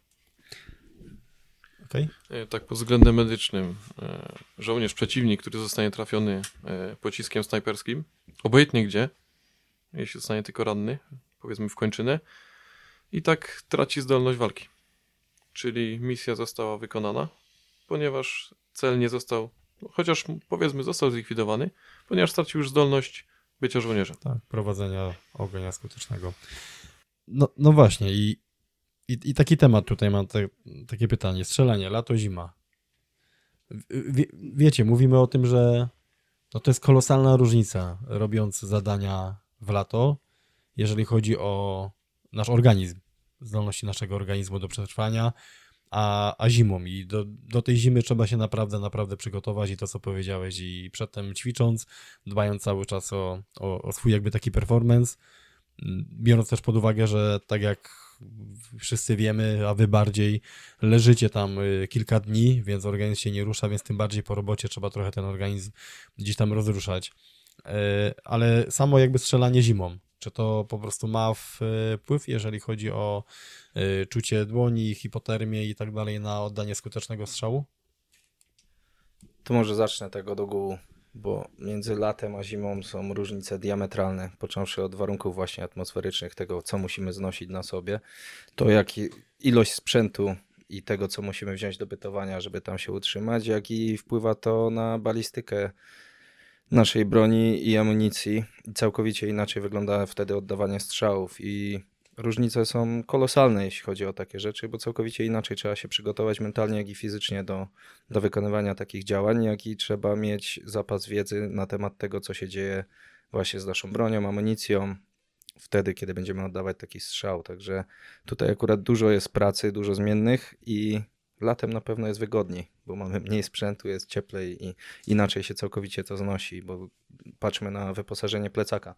Zimą musimy zabrać dodatkowy sprzęt właśnie, żeby się ogrzać, żeby podgrzać jedzenie, jakąś kuchenkę, cokolwiek, a latem całkowicie inaczej można to można się spakować, bo łatwiej to po prostu jest nam przeżyć. Nie mamy takiego wydatku energetycznego i, i łatwiej się to znosi, ale a zimą, no zimą jest wiadomo, jak każdy już z nas przeżył i nosił ten plecak, także wiemy, że zimą zadania są najgorsze, albo choćby pod kątem taktyki, no inaczej się jest możliwość zamaskowania w terenie, kiedy jest lato, na przykład w terenie lesistym, a kiedy jest zima. Czyli tak, na, czyli, czyli tak naprawdę, jeżeli ktokolwiek chciałby się przetestować, to dla Was taką informacją będzie ten okres zimowy. Jak macie gościa do szkolenia, no i on, wiecie, jest lato, jest fajnie, jest coś tam poligona, dopiero potem wchodzicie w zimę i dopiero po takiej zimie jesteście w stanie stwierdzić, albo on tak naprawdę jest w stanie stwierdzić, że no kurde, idę w to albo nie idę. No na pewno w zimę jest y, lepsza weryfikacja, można lepiej ocenić kogoś, kto tam ma gdzieś dołączyć do tej sekcji snajperskiej. Y, Już nie wchodząc w szczegóły jakieś tam balistyczne i zachowania się broni, no ale w takie zwykłe, y, prozaiczne rzeczy, właśnie radzenia sobie z zimnem, zgrabiałe ręce y, i tak dalej. No niestety, y, jak w lato uczymy się strzelać y, i strzelamy bez rękawiczek, żeby czuć ten spust odpowiednio, no to niestety w zimę y, musimy mieć tę rękawiczkę gdzieś tam. I nawet jak sobie ją ściągniemy przed samym strzałem, żeby to po prostu mieć ciepłą rękę i wystarczy, że ten, nie wiem, ta sytuacja się opóźni o 5 minut, no to już ten palec znowu Już ma mniej problem. krwi, już jest problem i, i tu gdzieś wychodzą nasze takie, nasze aspekty i nasze błędy już y, osobiste. I żeby tu się nie wgłębiać w tą balistykę właśnie i tam broń, amunicję, jak to się zachowuje, ale sam czynnik ludzki wtedy może gdzieś tam zawodzić, nie? Siwy? Bo tak widzę, nachyliłeś się, czyli wie, wiem, wiem, że chcesz coś Nie, powiedzieć. plecy mnie bolą. No ale właśnie, ale zauważyłem, że tak, e, medyk, siwy, teacher i ja prostujemy kręgosłup, co chwilę jakieś przeprosty robimy, a gruby tu siedzi i wyluzowany. Bogaty zawsze ma lżej. Dokładnie. E, To może ja powiem tak ogólnie, bo tak wszyscy ciągle mówimy o tym strzelaniu, jak my wpływamy na to strzelanie, jak to strzelanie wpływa na nas i tak dalej. E, Tu chciałbym podkreślić to, że strzelanie w tej naszej całej działce, no bo tak wszyscy kojarzą snajpera, prawda? To jest ten, który strzela tym karabinem z tym celownikiem optycznym. A To tak jest ten naprawdę, bohater. tak, a tak naprawdę strzelanie to jest tak naprawdę może jedna dziesiąta naszej całej roboty, co musimy umieć i tak dalej. No, Poświęcamy na to najwięcej czasu na naukę i tak naprawdę oddanie strzału jakiegoś celnego, czy to zadaniu, czy w ćwiczeniach, to jest ta wisienka na torcie. No i tak jak wcześniej wspominałeś o filmach, no nie? Czy ktoś widział kiedyś jakiś film, w którym snajper nie oddał żadnego strzału? Nie, no to bez sensu taki film kręcić. No właśnie, ale tak niestety wygląda najczęściej rzeczywistość. Sam byłem na przykład na misji też jako e, strzelec wyborowy. No i przez 6 miesięcy nie miałem okazji ani razu, mimo że było masa kontaktów i tak dalej, no to użycia broni snajperskiej nie miałem na, przez 6 miesięcy, tak? E, A co do odnośnie, odnośnie do warunków atmosferycznych, no ja znowu uważam, że nie ma dobrego okresu dla nas, żebyśmy my wychodzili w teren. W lato insekty. Jak nadchodzi jesień, ciągle jest mokro. Nadchodzi wiosna, całe robactwo się budzi. Zima, no to znowu ci wszystko odmarza. Także nie ma warunków do bytowania w lesie tak naprawdę dla nas takich dogodnych, że pójdziesz powiedzmy w środku lata, no i jest git, tak, bo jak nie kleszcze, to komary, no to ktoś się położy, jest świetne stanowisko, ale okazuje się, że 3 metry dalej jest y, mrowisko, tak, no i już nieraz musieliśmy przez to zmieniać, że tak powiem, stanowisko i no to wszystko wpływa, tak, no to wszystko jakby katuje człowieka i psychicznie i fizycznie, to i tak się wydaje, że a, stanowisko mrówek. Podziałałem, ale się przyniosłem. No ale nikt nie wie, jak kogoś kiedyś pogryzły mrówki, to wie, że to nie przychodzi po 15 minutach, tylko trzeba leżeć jeszcze kolejne 20 godzin. Wszystko piecze, a ty musisz siedzieć i rysować szkice obserwacyjne. Tu chłopaki mówią o naciskaniu spustu, prawda? A przecież e, przy zmarzniętych chłopach spróbujcie narysować dokładny szkic obserwacyjny. Potem wy go wysyłacie do szturmu, e, gdzie chłopaki na podstawie tego szkicu e, całe zadanie. Jeżeli on będzie niezbyt dobrze narysowany, no to mogą powstać pewne komplikacje w tym zakresie. Także jeżeli chodzi o warunki atmosferyczne, czy to jest zima, czy to jest lato, no uważam, że jest, no wiadomo, tak jak powiedział e, gruby, zim, gruby jest, no zima jest ciężka, tak, bo jednak walka z tym mrozem to jest chyba najgorsze, co może być. Ale lato, odwodnienie, no nas woda zawsze jest towarem deficytowym, no bo my Bóg wie ile jej nie zabierzemy ze sobą. Także jeżeli chodzi o warunki atmosferyczne, to chciałbym podkreślić, że naprawdę rzadko, rzadko zdarzają się wyjścia, kiedy jest w porządku. A wszyscy się ze mną zgodzą, że najczęściej jest tak na poligonie, że jest dwa tygodnie piękna pogoda, a w momencie, kiedy akurat my wychodzimy na rozpoznanie, zaczyna lać. I to jest po prostu przekleństwo sekcji snajperskiej. Prawo Murphy'ego zawsze działa. Ale to, o czym powiedziałeś, y, właśnie, że nie ma dobrej pogody ostatnio w takim filmie francuskim, to właśnie o czym mówiłeś, rysowanie szkiców i też tam była taka scena, gdzie y, wiecie, goście coś tam się stało, idą po prostu, ja, ja patrzę, a oni idą przez góry. Przez góry, małe plecaki, oczywiście ciężkie kamizelki, wiecie, sprzęt, wszystko na sobie i gdzieś tam, wiesz, rysują jakieś tam szkice, super jest pogoda i tak dalej, wysyłają, to gdzieś tam chłopaki wchodzą, no taki jest wykreowany obraz i ludzie mają takie odniesienie do sytuacji, bo gdyby faktycznie nakręcić film, że wychodzi e, iluś tam gości na obserwację i przez e, cztery dni walczą z mrówkami, albo tak jak powiedziałeś, coś tam jakieś rysowanko, e, przeniesienie stanowiska, no to tak naprawdę nikt chyba nie chciałby tego oglądać. Słuchajcie, zrobimy taki powrót do przeszłości. Kwestia selekcji, czyli jak wygląda wasza selekcja. I może zaczniemy od gościa, który był z nas najwyżej, znaczy no nie z nas, ale z was najwyżej. E, I Siwy jest tutaj przykładem, bo Siwy był na pięciotysięczniku i jest przykładem, że nie do końca to, co się lubi, e, albo się nie lubi, bo nawet się tych gór nie lubi, to jednak y, no robi się to. Robi się to, bo po prostu musi i, i, i tyle. I jest w stanie człowiek mimo pewnych niechęci, pewne jakby etapy przejść. Ale powiedziałeś, że miałeś selekcję jeszcze za czasów Zahara. Yy, Pamiętasz coś ze swojej selekcji? Jak to przebiegało, jak się właśnie czułeś? No bo to też było wtedy w Bieszczadach. A tak jak wspominaliśmy, góry nie są twoim priorytetem. Mhm. Ja się dziwię, że ty się w Chorwacji nie urodziłeś, bo na Sardynii gdzieś wiesz o co chodzi. No, ja myślę, że dla mnie najbardziej Hiszpania. byłoby gdzieś Ukraina, te stepy, tak. Gdybym nie widział po horyzont gór, to dla mnie byłoby idealne. Okej. E, Znaczy tak, ja pierwszej selekcji nie zaliczyłem. Mam za sobą dwie selekcje, tak jakby. E, Na pierwszej po prostu straciłem gridy, gdzieś tam pogubiłem się i nie się nie udało. Drugą przeszedłem. E, Moje odczucia, no tak jak wspominasz, góry to nie była moja mocna strona, także jak się przygotowałem do selekcji, to katowałem nogi ile wlezie, aczkolwiek to wciąż było mało, jak mam być szczery.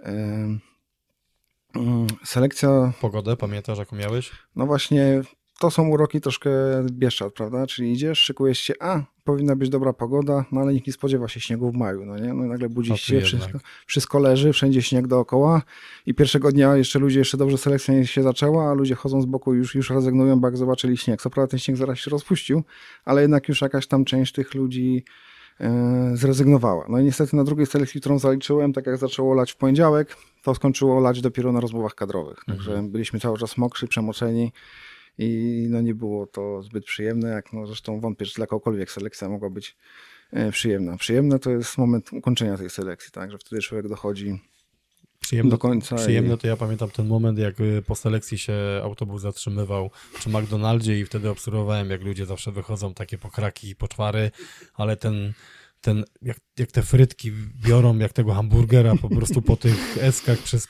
kilka dni, to to było, to było niebo. Yy, No okej, ale ta pogoda, o której powiedziałeś, czy ona bardziej ciebie mobilizowała, czy, czy miała ona w ogóle wpływ? Bo ja chcę obalić mit, że pogoda ma wpływ. Mm, Dla osoby przygotowanej uważam, że nie ma. Bo często było tak, że padało, a te osoby i tak po prostu jeszcze były bardziej zmotywowane. Znaczy, wydaje mi się, że tutaj przede wszystkim rozchodzi się o motywację. Jest masa ludzi, tak jak wiemy, są ludzie, którzy ciągle się, ciągle się przygotowują do selekcji. E, Są ludzie, którzy po prostu się pakują i idą. No, ja jeszcze jestem z tego starego pokolenia, gdzie my się zbieraliśmy, to co się miało, no, wypłata żołnierza 10 lat temu nie była zbyt wysoka, także ja nie mogłem pozwolić sobie na e, Bóg wie jaki sprzęt. E, Dlatego dzisiaj przykład troszkę mnie boli, że dużo tych młodych chłopaków jest strasznie prowadzonych za rękę na tą selekcję. Oni potem przychodzą i jednak, o, tu się nie przygotowałem, to ja rezygnuję po dwóch dniach, bo teraz się lepiej przygotuję. No nie da się przygotować do całej selekcji, bo to chodzi o to, że przygotujemy się fizycznie na te kilka dni, ale potem ciągnie już tylko głowa. No, takie, są, takie są realia i tak naprawdę pamiętam, jak wy że kiedyś była ta selekcja w lato, co chłopaków no, poodwadniało. No dobra, no jak ktoś się odwodni, to nie do końca jest jego wina, tak? No to jest odwodnienie się i organizm reaguje jak reaguje. Ale deszcz, zimno, no ja na zasadzie jak przyszedłem na selekcję, to mówię, po, powiedziałem sobie tak, mogę wylecieć z dwóch powodów. Albo sobie coś połamię, po prostu nie będę w stanie dalej iść, albo instruktorzy mnie wyrzucą. To ja pamiętam, to był była noc, dzień, dzień przed sprintem. Ja leżałem po prostu w namiocie, cały się trząsłem, bo już śpiwór, wszystko było mokre, no ale no człowiek leżał i liczył te minuty, aż zaczniemy coś robić. Także tak jak ty mówisz, ja nie uważam, że pogoda ma jakiś wielki wpływ. Tu chodzi jakby o ciebie, o to, co masz w głowie i jeżeli jesteś nastawiony, żeby to ukończyć, czy będzie deszcz, grad, cokolwiek, no to zagryzasz zęby i idziesz. Po prostu trzeba sobie to jakoś powiedzieć w głowie. Dokładnie, tak jak powiedziałeś, nie na wszystko jesteśmy w stanie się przygotować. Ale z drugiej strony, jak wiesz, że coś umiesz, to wiesz, że coś umiesz. Medyk? Kojarzysz swoją selekcję? Jeśli chodzi o selekcję i o pogodę, to Mhm. ja miałem o tyle szczęście i nieszczęście, że padało łącznie może z 3-4 godziny. O. A tak to była piękna, słoneczna pogoda, piękne Bieszczady, wiosna. E, ale w związku z tym kilometraż się zwiększył, No tak. bo nie zostawiali nas samych sobie, żeby marz- marzli, tylko zostaliśmy dociśnięci ilością kilometrów i co bardzo dawało się we znaki woda. To były Mhm. czasy, że dostawaliśmy 1,5 litra wody. I reszta z E, potoków. A resztę wypijałem około 8 do 10 litrów wody dziennie. Wszystko z chlorem, bo bardzo się bałem jakichś problemów yy, Mhm. trawiennych. Wszystko było z chlorem.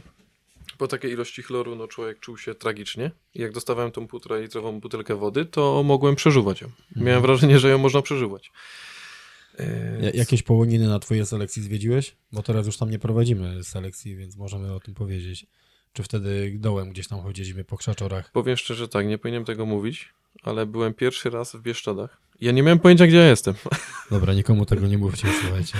Ja nie miałem pojęcia, gdzie ja jestem, jakie połoniny. Nie, teraz już wiadomo, dużo lepiej znam te tereny, bo spędziłem tam dużo czasu, chociażby Serece niesławne, ale do tego nie chcę wracać. tak jak to każdy z nas, który tu siedzi, nie chce do tego wracać. E, Ale odnośnie właśnie pogody. E, Pogoda była powiedzmy super, ale instruktorzy już nie byli super. I moczyli nas na każdy możliwy sposób. Była tylko rzeczka, chociażby do kostek, do kolan. No to panowie, przejdźcie sobie. A to wszystko, żebyście tą wodę uzupełnili. Tak, dokładnie, dokładnie. I pamiętam, jak buty mi przemokły pół godziny po rozpoczęciu selekcji, tak jeszcze dowiozłem je do domu i schły dwa dni, Mm. mokre. Ale e, pozwolę sobie jeszcze Mhm. e, coś dla przyszłych kandydatów. E, Uratował mi generalnie, może nie życie, ale to, że przyszedłem tą selekcję, worek budowlany za 5 zł ze sklepu budowlanego. Mieliśmy przeprawę przez rzekę, ale to była taka konkretna przeprawa. Mm, Poszedłem generalnie cała głowa pod wodę, bo był tak mocny nurt. Mhm. Wcześniej przed przeprawą e, wszystkie rzeczy do tego worka budowlanego za 5 zł. Nie jakiś super sprzęt, worki przeprawowe za kilka stów. Mhm. To był zwyczajny worek budowlany, o którym mi powiedział kolega tydzień wcześniej. A weź, nic nie waży. Władowałem wszystkie rzeczy suche. Cały plecak łącznie ze mną poszedł pod wodę. Wyciągam rzeczy później na brzegu I i, jestem okej. suchutki. A chłopak, który podchodził trzeci raz do selekcji, jak stał, poszedł do wody.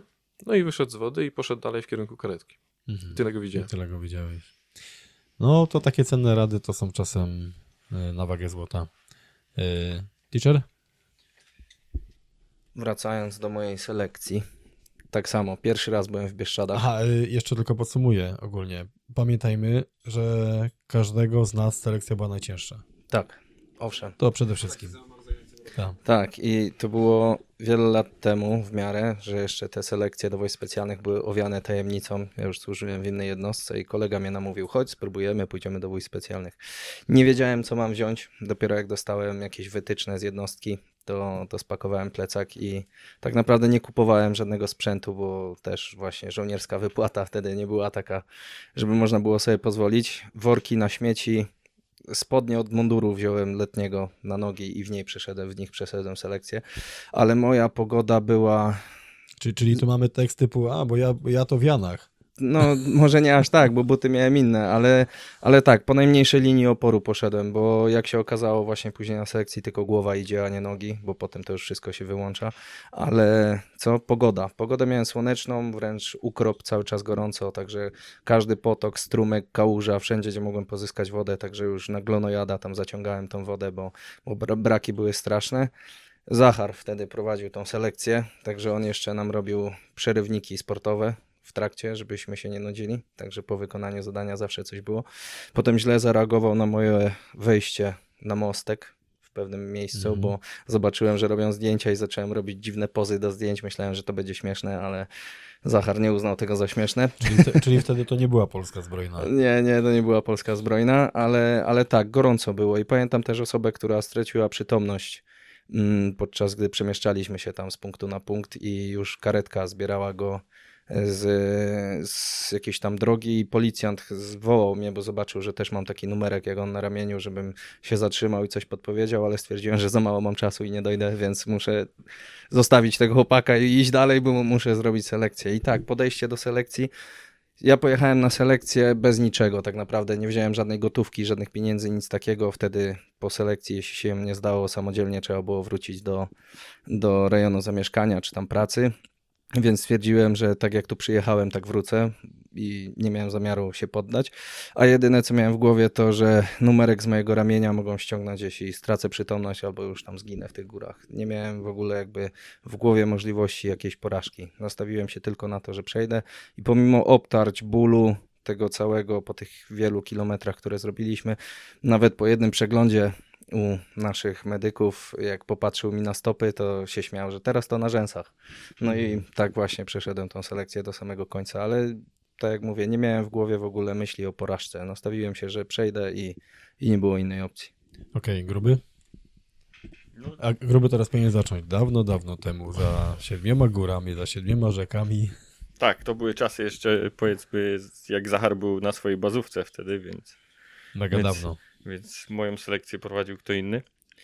Ale co tu mogę dodać? No, tak jak mówiliśmy, każda, każda selekcja była ta najgorsza, Najcięższa. najcięższa i najtrudniejsza, ale tak jak tu przedmówcy wszyscy powiedzieli, no przygotować się do niej można, ale myślę, że od drugiego, trzeciego dnia to już idzie głowa, więc y, ta fizyka już się wyłącza. A kojarzy, kojarzysz u ciebie, jak to było frekwencja właśnie, jaka była pogoda i czy było coś, co ci w pamięci... Pogoda była taka, powiedzmy, typowo jesienna. Mhm. Codziennie coś tam popadało. Był w, chyba w przedostatni dzień, spadł jakiś taki lekki śnieg z deszczem, ale było tak wilgotno, tak typowo bieszczadowo, więc tak, tak w miarę ok. Ludzi było dość sporo, bo pamiętam, że pojechały dwa autobusy, a ukończyło nas, y, z tego co pamiętam, chyba właśnie 12 osób, z czego gdzieś tam 10 osób pojawiło się w jednostce. To mocne sito. Więc y, to było tak y, dość, dość ciekawie. No ale dużo ludzi było takich właśnie, że powiedzmy pierwszego dnia już gdzieś tam pierwsze górki, pierwszy deszcz i po prostu rezygnowali i to było takie, nie wiem, przygotowanie po prostu, że nie wiem, no przyszli, zobaczyli, że jest nie tak, no to dobra, przyjdziemy może I że za powie- rok, Powiedzieli, faktycznie jest ciężko. Jest ciężko i jest okej, numerek, nie? nie? I oddawali gdzieś tam numerek samemu. Za, za rok przychodzili i mówili, to faktycznie jest, jest dalej tak ciężko. Nie wiem, za rok mnie nie było, no więc ciężko powiedzieć, no ale, ale, ja pamiętam ten, takich. Ale są, zdarzają się tacy ludzie na selekcji i to gdzieś tam widać i na pewno oni też demotywują kandydatów, bo jeżeli ktoś przychodzi gdzieś tam w autobusie się, wiadomo, trochę tam porozmawia, pozna kogoś i ktoś opowiada historię, że jest powiedzmy, że jakiś tam komandosem, bo on był na, nie wiem, dwóch misjach i nagle idzie do teraz do tych wojsk specjalnych i potem właśnie po pierwszym dniu oddaje numerek, no to, to też osobę, która gdzieś z zewnątrz typowo przychodzi, nasłuchała się w autobusie, że on jest kozak, a on oddaje po pierwszym dniu, to potem mają w swojej głowie nawet takie myślenie, dobra, jak on oddał numerek, a był takim kozakiem, To to, przecież to ja też ja mogę i, i tyle, nie? No. I nic się nie stanie. A trzeba po prostu zacisnąć zęby i pójść dalej, no bo od drugiego dnia na pewno idzie już głowa, nie? Dobrze, takie pytanie, które jeszcze mi się nasuwa. Mm, Patrząc na karabin, zawsze widzimy w tym karabinie snajperskim jeszcze optykę. Mm, Nie poruszyliśmy tego jeszcze tematu. Jak ta optyka y, jest ważna w ogóle w tym, w tym całym zagadnieniu, w, tym, w, tej umiejętności, bo tak jak wspomnieliście wcześniej, także dużo, dużo obserwujecie. No i jakie to ma przełożenie na obserwację, jakie to ma przełożenie w ogóle, jeżeli chodzi o precyzyjne oddanie strzału? No więc patrząc na karabin snajperski, przede wszystkim mm, to jest system. To nie jest tak, że to jest sama optyka. To jest amunicja, to jest sam karabin, to jest optyka, no i wiadomo do tego najsłabszy czynnik, czyli czynnik ludzki. E, Do tego oczywiście umiejętności tego strzelca. Dlatego no, czy optyka jakby tutaj wpływa na to, wszystko na to wpływa. Mamy jakość amunicji, dobór amunicji do tej broni, sama broń, no i ta optyka. Tak wszystkim się wydaje, że ta optyka robi największą robotę. No, bez przyrządów optycznych no nie jesteśmy w stanie wykonywać jakichś takich dużych strzałów, jak tak my moż, mamy możliwość strzelania na 1400 metrów. No bez optyki, no chyba z czego ja się kojarzę, nawet nie ma takich przyrządów mechanicznych, z których bylibyśmy po prostu w stanie dostrzec cel na dystansie 1400 metrów. Także optyka tutaj jest bardzo decydującym e, czynnikiem, aczkolwiek bez odpowiedniej amunicji no nie uzyskamy skupienia i powtarzalności tych strzelów, także tych, tych, tych strzałów. Sam karabin, no mamy to szczęście, że no jedziemy na powiedzmy na Mercedesach, jeśli chodzi o karabiny snajperskie, są to Accuracy, e, Lapua Magnum 338, także ciężko tutaj w ogóle o coś e, lepszego i do wymarzenia. Oczywiście jak problem jest waga, no ale niestety waga karabinu snajperskiego jest jaka jest. Słuchajcie, żeby było Mhm. jasne, te dane, które mówi teraz Siwy, one są normalnie w folderach jakby naszej jednostki, więc nie ujawniamy tutaj niczego, y, co by było poza tym, co możemy powiedzieć. Mhm. No i oprócz tego karabinu, samej optyki, tego wszystkiego, środowisko, tak, te strzały wszystkie, które padają w Afganistanie czy w- Iraku ze względu na temperaturę są e, dużo bardziej donośne, no, mamy większą szansę po prostu trafienia na ten daleki dystans. W Europie. Te dystanse będą zupełnie inne, także no to jest, mówię, no strzelectwo precyzyjne to jest bieg wielu, wielu czynników, tak, i najgorsze jest to, bo to jest, to jest matematyka, także, a nie przy, przy okazji mówię od razu, jeżeli ktoś był kiepski z matmy i mówi, kurde, nie nadaje się na snajpera, bo jestem kiepski z matmy, ja przez całe życie miałem truje i dwóje z matematyki, także daję radę. To dobry byłeś, dobry byłeś, bo ja zawsze miałem pałę i pani mi dawała pałę, bo mówiła, że wtedy się zacznę naprawdę uczyć i musiałem zaliczać po każdym półroczu, ale z polskiego piątka była zawsze. No, właśnie, no, także, Dlatego podcasty prowadzę, a nie działania matematyczne. także niech nikt się nie przeraża ilością tego liczenia, wcale nie jest go tak dużo, jak się wydaje. Aczkolwiek e, mówię, to jest matma. Gdyby wszystko było stałe, tak naprawdę to strzelectwo straciłoby cały taki Mhm. romantyzm, prawda? To całe to jakbyśmy, to było po prostu jak gra komputerowa. A tu jest tak dużo zmiennych, że jednak człowiek musi reagować, dostosowywać się do tego, co widzi, do odczytów, do temperatury, do, do wiatru i tak dalej. I wtedy to wszystko się e, klei. Tak właśnie jak pytasz, pytałeś wcześniej, co jest fajnego w tym byciu snajperem? No jest ta satysfakcja, że ty jednak ten pocisk po prostu jesteś w stanie posłać na dystans półtora kilometra e, dzięki jakiejś tam wiedzy, którą nabyłeś przez ostatnie miesiące i trafić e, w cel wielkości wiadomo czego, prawda? Dobra, gruby? E, To jeżeli chodzi tutaj o ściśle, tak jak pytanie zostało zadanie o optykę, to można powiedzieć, że ta optyka do samego strzału ogólnie nie jest jakaś, nie jest potrzebna, wybitna, tak, E, żeby była, ale tutaj chodzi, że nasze strzały mają być e, precyzyjne w cel, który my chcemy go najpierw zidentyfikować, tak? Mhm. I to jest najważniejszy aspekt dobrej optyki, że my możemy przez nią spojrzeć i ten cel zidentyfikować w 100%, a nie być pewni w 50%. Więc y, na to wpływa optyka głównie, bo nawet myślę, że większość y, jakichś tam strzelców i prywatnie na jakichś zawodach i tak dalej, nikt podczas oddawania strzału w tarczę y, nie oddaje tego strzału z maksymalnego przybliżenia, jakie ma możliwość zrobić luneta. Tylko sobie to oddala i po prostu chce widzieć ten cel. Nie chce, żeby krzyż za dużo nam zajmował, powiedzmy, tarczy, więc y, pomniejsza to sobie i oddaje strzał.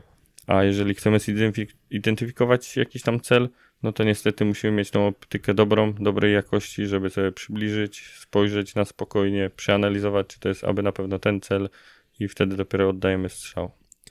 Mm, Czy to jest prawda, że dobra optyka jest y, w tej samej cenie lub nawet droższa niż karabin? Myślę, że nawet droższa. Mhm. No, to jest. y, No, to jest y, optyka też, powiedzmy, jakaś tam sportowa. Y, Jest powiedzmy trochę tańsza, ale ona jest też mniej odporna na działa Mhm. działalność, nie wiem, atmosferyczną oraz uszkodzenia mechaniczne, tak. Niestety w wojsku ten sprzęt musi być, powiedzmy, tak kolokwialnie mówiąc, idiotoodporny, tak. Y, Wykonuje się różne zadania z tym, od skoków na spadochronie, zjazdów, nie wiem, ze śmigłowca z tymi karabinami, więc zawsze gdzieś to można tym uderzyć i, i by się to mogło uszkodzić, więc y, ta optyka wojskowa naprawdę jest y, drogą zabawką. Y, Jak zaczynałeś szkolenie snajperskie, to powiedz mi, od razu wszystko wchodziło, czy to był proces? Y, Bo ogól- niektórzy ma, mają predyspozycję, nie? Jak było u ciebie? Ogólnie y, ja mam takie podejście, że jeżeli osoba powiedzmy, bo strzał na 1000 powiedzmy te 400 metrów i strzał na 100 metrów, to jest dokładnie ten sam strzał, jeżeli Mhm. chodzi o czynności, o manual taki ludzki. Y, Bo to jest dokładnie tak, tak samo trzeba ściągać język spustowy, wszystko to samo, więc jeżeli komuś wychodzi na te 100 metrów z jakiejś tam zwykłej optyki dobrze i głównie chodzi o to, żeby te strzały były powtarzalne, Nieważne, że one wchodzą 5 cm z lewej czy 5 cm z prawej, tylko że wszystkie tworzą Mhm. jedną taką ładną grupę. No to to się potem poprawki robi właśnie na, na przyrządach optycznych. I strzał na 1500 metrów to jest dokładnie ten sam strzał, tylko dochodzi ta właśnie matematyka, żeby przeliczyć sobie te warunki atmosferyczne, y, ten tor lotu pocisku i powiedzmy całą balistykę wziąć pod uwagę, tak? Ale strzał jako samo zjawisko to jest Mhm. bardzo podobna, znaczy no ta sama, ta sama czynność. Optyka jest naszymi oczami. I tak jak już moi poprzednicy mówili, musimy identyfikować to, do czego strzelamy, bo mamy sytuację niedawną, gdzie myśliwy zastrzelił żołnierza na placu ćwiczeń taktycznych. Mhm. I to był właśnie przykład oddania strzału bez identyfikacji celu. A bardzo często nasza praca zajmuje się na, y, opiera się o obserwacje i zbieranie danych. I jeśli czegoś nie widzimy, to nie możemy podać tych informacji. Czyli jeśli ja dokładnie nie widzę tego, co, co tam się dzieje, to ja nie mogę wróżyć z fusów i wymyślać, że ktoś coś ma w rękach albo nie ma. Ja muszę dokładnie wiedzieć, co to jest i widzieć. Więc optyka tutaj jest jakby, zwłaszcza dla obserwatora, dla spotera, jest kluczem, żeby, żeby odczytać i mieć świadomość sytuacji, w której się znajduje. Dobrze, takie pytanie. Psychologiczny aspekt oddania strzału. E, Mówię tutaj o, z racji, że twoim może przyszłym zawodem będzie psychologia i kształcić się w tym zawodzie. i poznajesz gdzieś tam nowe tajniki, które możesz sprawdzić pod kątem właśnie tej profesji, którą robisz. Dużo się mówi, że w sytuacji oddania celnego strzału snajperskiego y, te wyciszenie, oddech, y, ta cała praca, y, odpowiedni mindset jest bardzo ważny. Czy istnieje w ogóle coś takiego jak psychologiczny aspekt oddania strzału? Tak, myślę, że tak. Myślę, że każdy strzał, czy to do celu metalowego, czy żywego, powinien odbywać się w ten sam sposób, ponieważ powtarzalność jest tutaj kluczem do osiągnięcia precyzji w strzelaniu długodystansowym i myślę, że odpowiednie jest takie warunkowanie człowieka, czyli mechaniczne wykonywanie tych czynności, powtarzalność tego, c- tych wszystkich procedur do oddania strzału. W ten sposób, jeśli przyjdzie nam strzelać do celu żywego, oddajemy ten sam strzał w ten sam sposób do tego. Po prostu już nie myślimy o tym, co się dzieje dalej. Nie, nie bierzemy tego pod uwagę, po prostu wykonujemy dalej swoje zadanie ogniowe, a to, co będzie się działo w głowie już później, to już jest jakby inna kwestia, którą można przemówić i omówić sobie kiedy indziej. Ale myślę, że warunkowanie, takie typowe odruchy, takie warunkowe, czyli wyuczyłem się, jak mam strzelać, jak zgrać przyrządy celownicze, poprawnie ściągnąć język spustowy, wziąłem pod uwagę wszystkie czynniki zmienne, oddaję strzał z efektem takim albo siakim i już, i pracujemy dalej. Okej.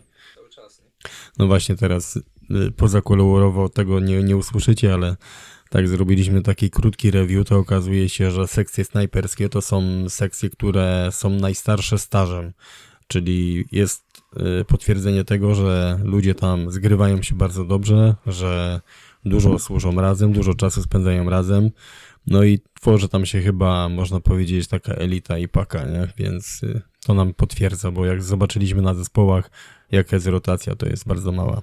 To może tu jeszcze dodam tylko. No, Będzie dziwnego, że ludzie się tak zgrywają, skoro śpimy ze sobą więcej w lesie niż z własnymi żonami w łóżkach. Hmm. Ale to chyba z psychologicznego takiego asp- aspektu jest coś takiego, że mężczyźni między sobą jakby e, bardziej dogadują się poprzez przeżycie jakiejś sytuacji chyba. Jakieś tam jak są e, jakieś emocje i tak dalej, jakieś sytuacje. ale z kobietą to samo.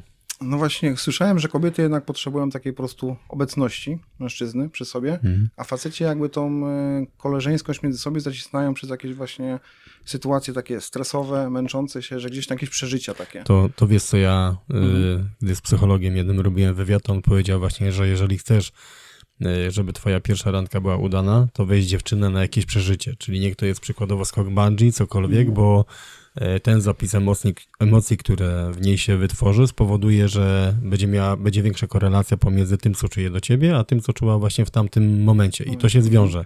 Więc to, co mówisz, tak naprawdę jest wspólne. Oczywiście Mhm. Y, Tu chyba chodzi też o dawkowanie, że nie będziesz dziennie z dziewczyną robił, czy z żoną coś tam y, nie wiadomo jak ekscytującego, no bo faktycznie wysiądzie, więc te proporcje myślę, że tutaj są Mhm. bardzo ważne. No my w sekcjach mieliśmy właśnie Mhm. wiele wspólnych przeżyć. Dobre także- proporcje. Tak, tak, tylko myślę, że my już chwilami mieliśmy aż tego za dużo, bo to jednak Mhm. człowiek spędza ze sobą masę czasu, męczy się razem, że tak powiem, strzelamy razem, jemy razem. A było coś takiego, było coś takiego, że po ćwiczeniach y, musieliście dać sobie tak wiesz, luzu tydzień odpocząć, żeby się nie widzieć i nie odzywać do siebie i dopiero potem comeback? Ja powiem szczerze, że nie miałem takiej opcji. Jeżeli były jakieś zgrzyty między nami w sekcji, to pamiętam, że raczej na bieżąco wszystko było Mhm. tłumaczone. Ale tak, żeby nieraz było tak, że siedzieliśmy po półtora miesiąca na urlopie i ktoś po jakimś czasie, po dwóch tygodniach dostajesz do SMS-a, człowiek by wrócił do roboty. Y, Medyk, co byś powiedział gościowi, który za dwa lata do ciebie przyjdzie do sekcji? Tak na, na, na wiesz, mo- motivation speech. Wiesz co, chciałem być ostatni, bym powiedział, że temat się wyczerpał. No wiem. Miałbym po problemie, na to Wiem. liczyłem. Albo byś powiedział, kurde, ja też to wszystko sądziłem i, i widzicie. E, Szczerze, chyba powiedziałbym to, co już powiedziałem. Musi chcieć. Musi chcieć pracować nad sobą. Fizyka. Fizyka, trening, żeby się nie zapuścić. Mhm. I przede wszystkim to, co już powiedziałem kolejny raz. Chcieć, chcieć i jeszcze raz chcieć. Okej. Siwy? Znaczy przede wszystkim yy, człowiek musi wiedzieć, czego chce. Jeżeli tak jak właśnie wspomniał medyk, chciej, miej tą chęć do nauki i miej to poczucie humoru i naprawdę kiedy przyjdziesz, yy, to, to po prostu zadziała. ale musisz wiedzieć, czego chcesz i żeby wiedzieć, czego chcesz, też musisz sobie zdawać z reali, jak to wygląda. My tutaj tak naprawdę wciąż przedstawiliśmy niepełny obraz tego wszystkiego, bo tak jak wspominaliśmy, te filmy, to co my opowiadamy, to jest ten wierzchołek góry lodowej i w dodatku ten pachnią, pachnący i dobrze wyglądający, prawda?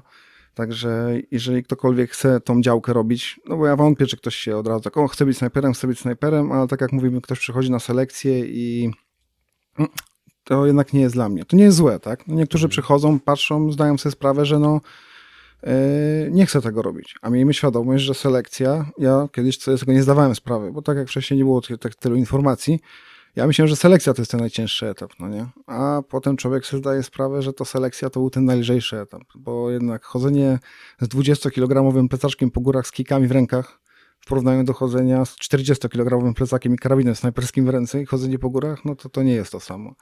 Także tak jak właśnie wspominał medyk, chciej, ch- miej chęć do nauki i, no i wiedz czego chcesz. Gruby? Który nie jest gruby? Y, Co ja mogę powiedzieć? No, my mamy akurat w naszej jednostce ogólnie tak to jest realizowane, że ci młodzi gdzieś tam przychodzą wcześniej. Często się zdarza, że oni gdzieś tam są w tych y, danych sekcjach, y, powiedzmy z pół roku, gdzie potem dopiero idą na to szkolenie bazowe i potem kończą tam swoje kursy specjalistyczne. I często się zdarza, że ktoś się tam właśnie wypytuje z tych młodych, bo zawsze chciał być. I u nas akurat y, w naszej tej ekipie nigdy nie było tak, że ktoś mu tam właśnie nawijał ten makaron na uszy filmowy, że tylko Mhm. jest ten, tylko, tylko jest zazwyczaj taka szczera rozmowa i no i wyjaśnienie, z czym to się właśnie wszystko je. I myślę, że do młodego i osoby, która chce zostać tym snajperem, to najważniejsze jest to, żeby mu to wytłumaczyć, bo jeżeli my mu naobiecujemy nie wiadomo czego i właśnie tak filmowo do tego podejdziemy i on już w końcu ukończy te wszystkie kursy i trafi do nas.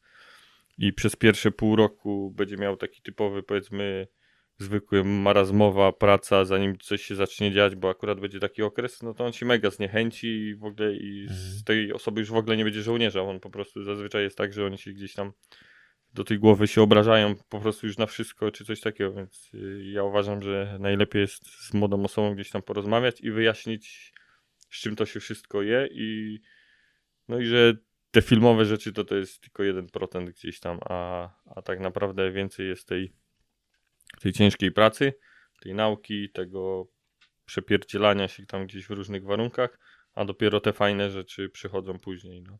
Na pewno w snajperstwie są plusy, bo nasze wyjazdy na takie zgrupowania typowo strzeleckie, to nikt nie powie, że to nie jest przyjemne, bo się jedzie i siedzi dwa tygodnie i tylko nas interesuje, jak pociągnąć spust, pogadać o tym, znowu postrzelać parę strzałów i tak dalej i to jest ten jakiś plus. To jest ten kunszt. Taki. Ale wszystkie zadania, które ten, to żeby do tego doprowadzić, to to jest tylko ten 1%, nie? A 99 to jest ciężka jakaś tam praca. I na pewno to trzeba młodej osobie je wyjaśnić. A takiego złotego słowa, które bym chciał powiedzieć, no to myślę, że nie ma, bo Autorytet. Ja myślę, że to jest No. jak, jak, jak gościu na was patrzy i ja myślę, że to, czy wy jesteście dla niego autorytetem i czy on na was patrzy i mówi, kurde, ten gościu jest przekozakiem. Ja wiem, że ja teraz jestem młodym kotem i okej, dobra, daję sobie czas, bo wiem, że ten gościu mnie doprowadzi do tego, nie? Tak powiedzieliście, nie ma złotego środka, ale po części to wy, no to wy, my, ja, każdy z nas osobno, patrząc na te młode osoby, musi sobie zadać pytanie, czy ja jestem w jakiś sposób dla niego autorytetem, bo i czy ja będę chciał, żeby on był lepszy ode mnie. Bo to jest też chyba dobry instruktor, nie? Że chcę, żeby ktoś był lepszy ode mnie. Teacher? To ja może Teacher, bo tu ostatnio, wiesz, zwrócę, ostatnia przemowa. zwrócę, się, zwrócę się może do słuchaczy. Wracając do przedmówców, chęci to jest kluczowa jakby sprawa, ale tak jak mówię młodemu wojsku, tak powiem też do słuchaczy, że możesz być snajperem, bo ja nim jestem, a jeśli mi się udało, to tobie też się uda, bo nie jestem wcale lepszy od ciebie, a jeśli czegoś nie wiesz, to cię nauczę. I to jest jakby clue tego wszystkiego, że przyjdź, miej chęci, zdolność do tej nauki, a my cię tego nauczymy. Wystarczy, żebyś miał tą chęć i wyt- wytrwanie, żebyś wytrwał tym wszystkim, a nauczymy cię, bo my nie różnimy się od was żadnym, pod żadnym względem, nie jesteśmy nad ludźmi. Też wybraliśmy sobie kiedyś jakąś taką ścieżkę i trzymaliśmy się jej kurczowo, więc jeśli ktoś chce, to niech przyjdzie, a, a na pewno go nauczymy, tylko wytrwałość i chęci wystarczy.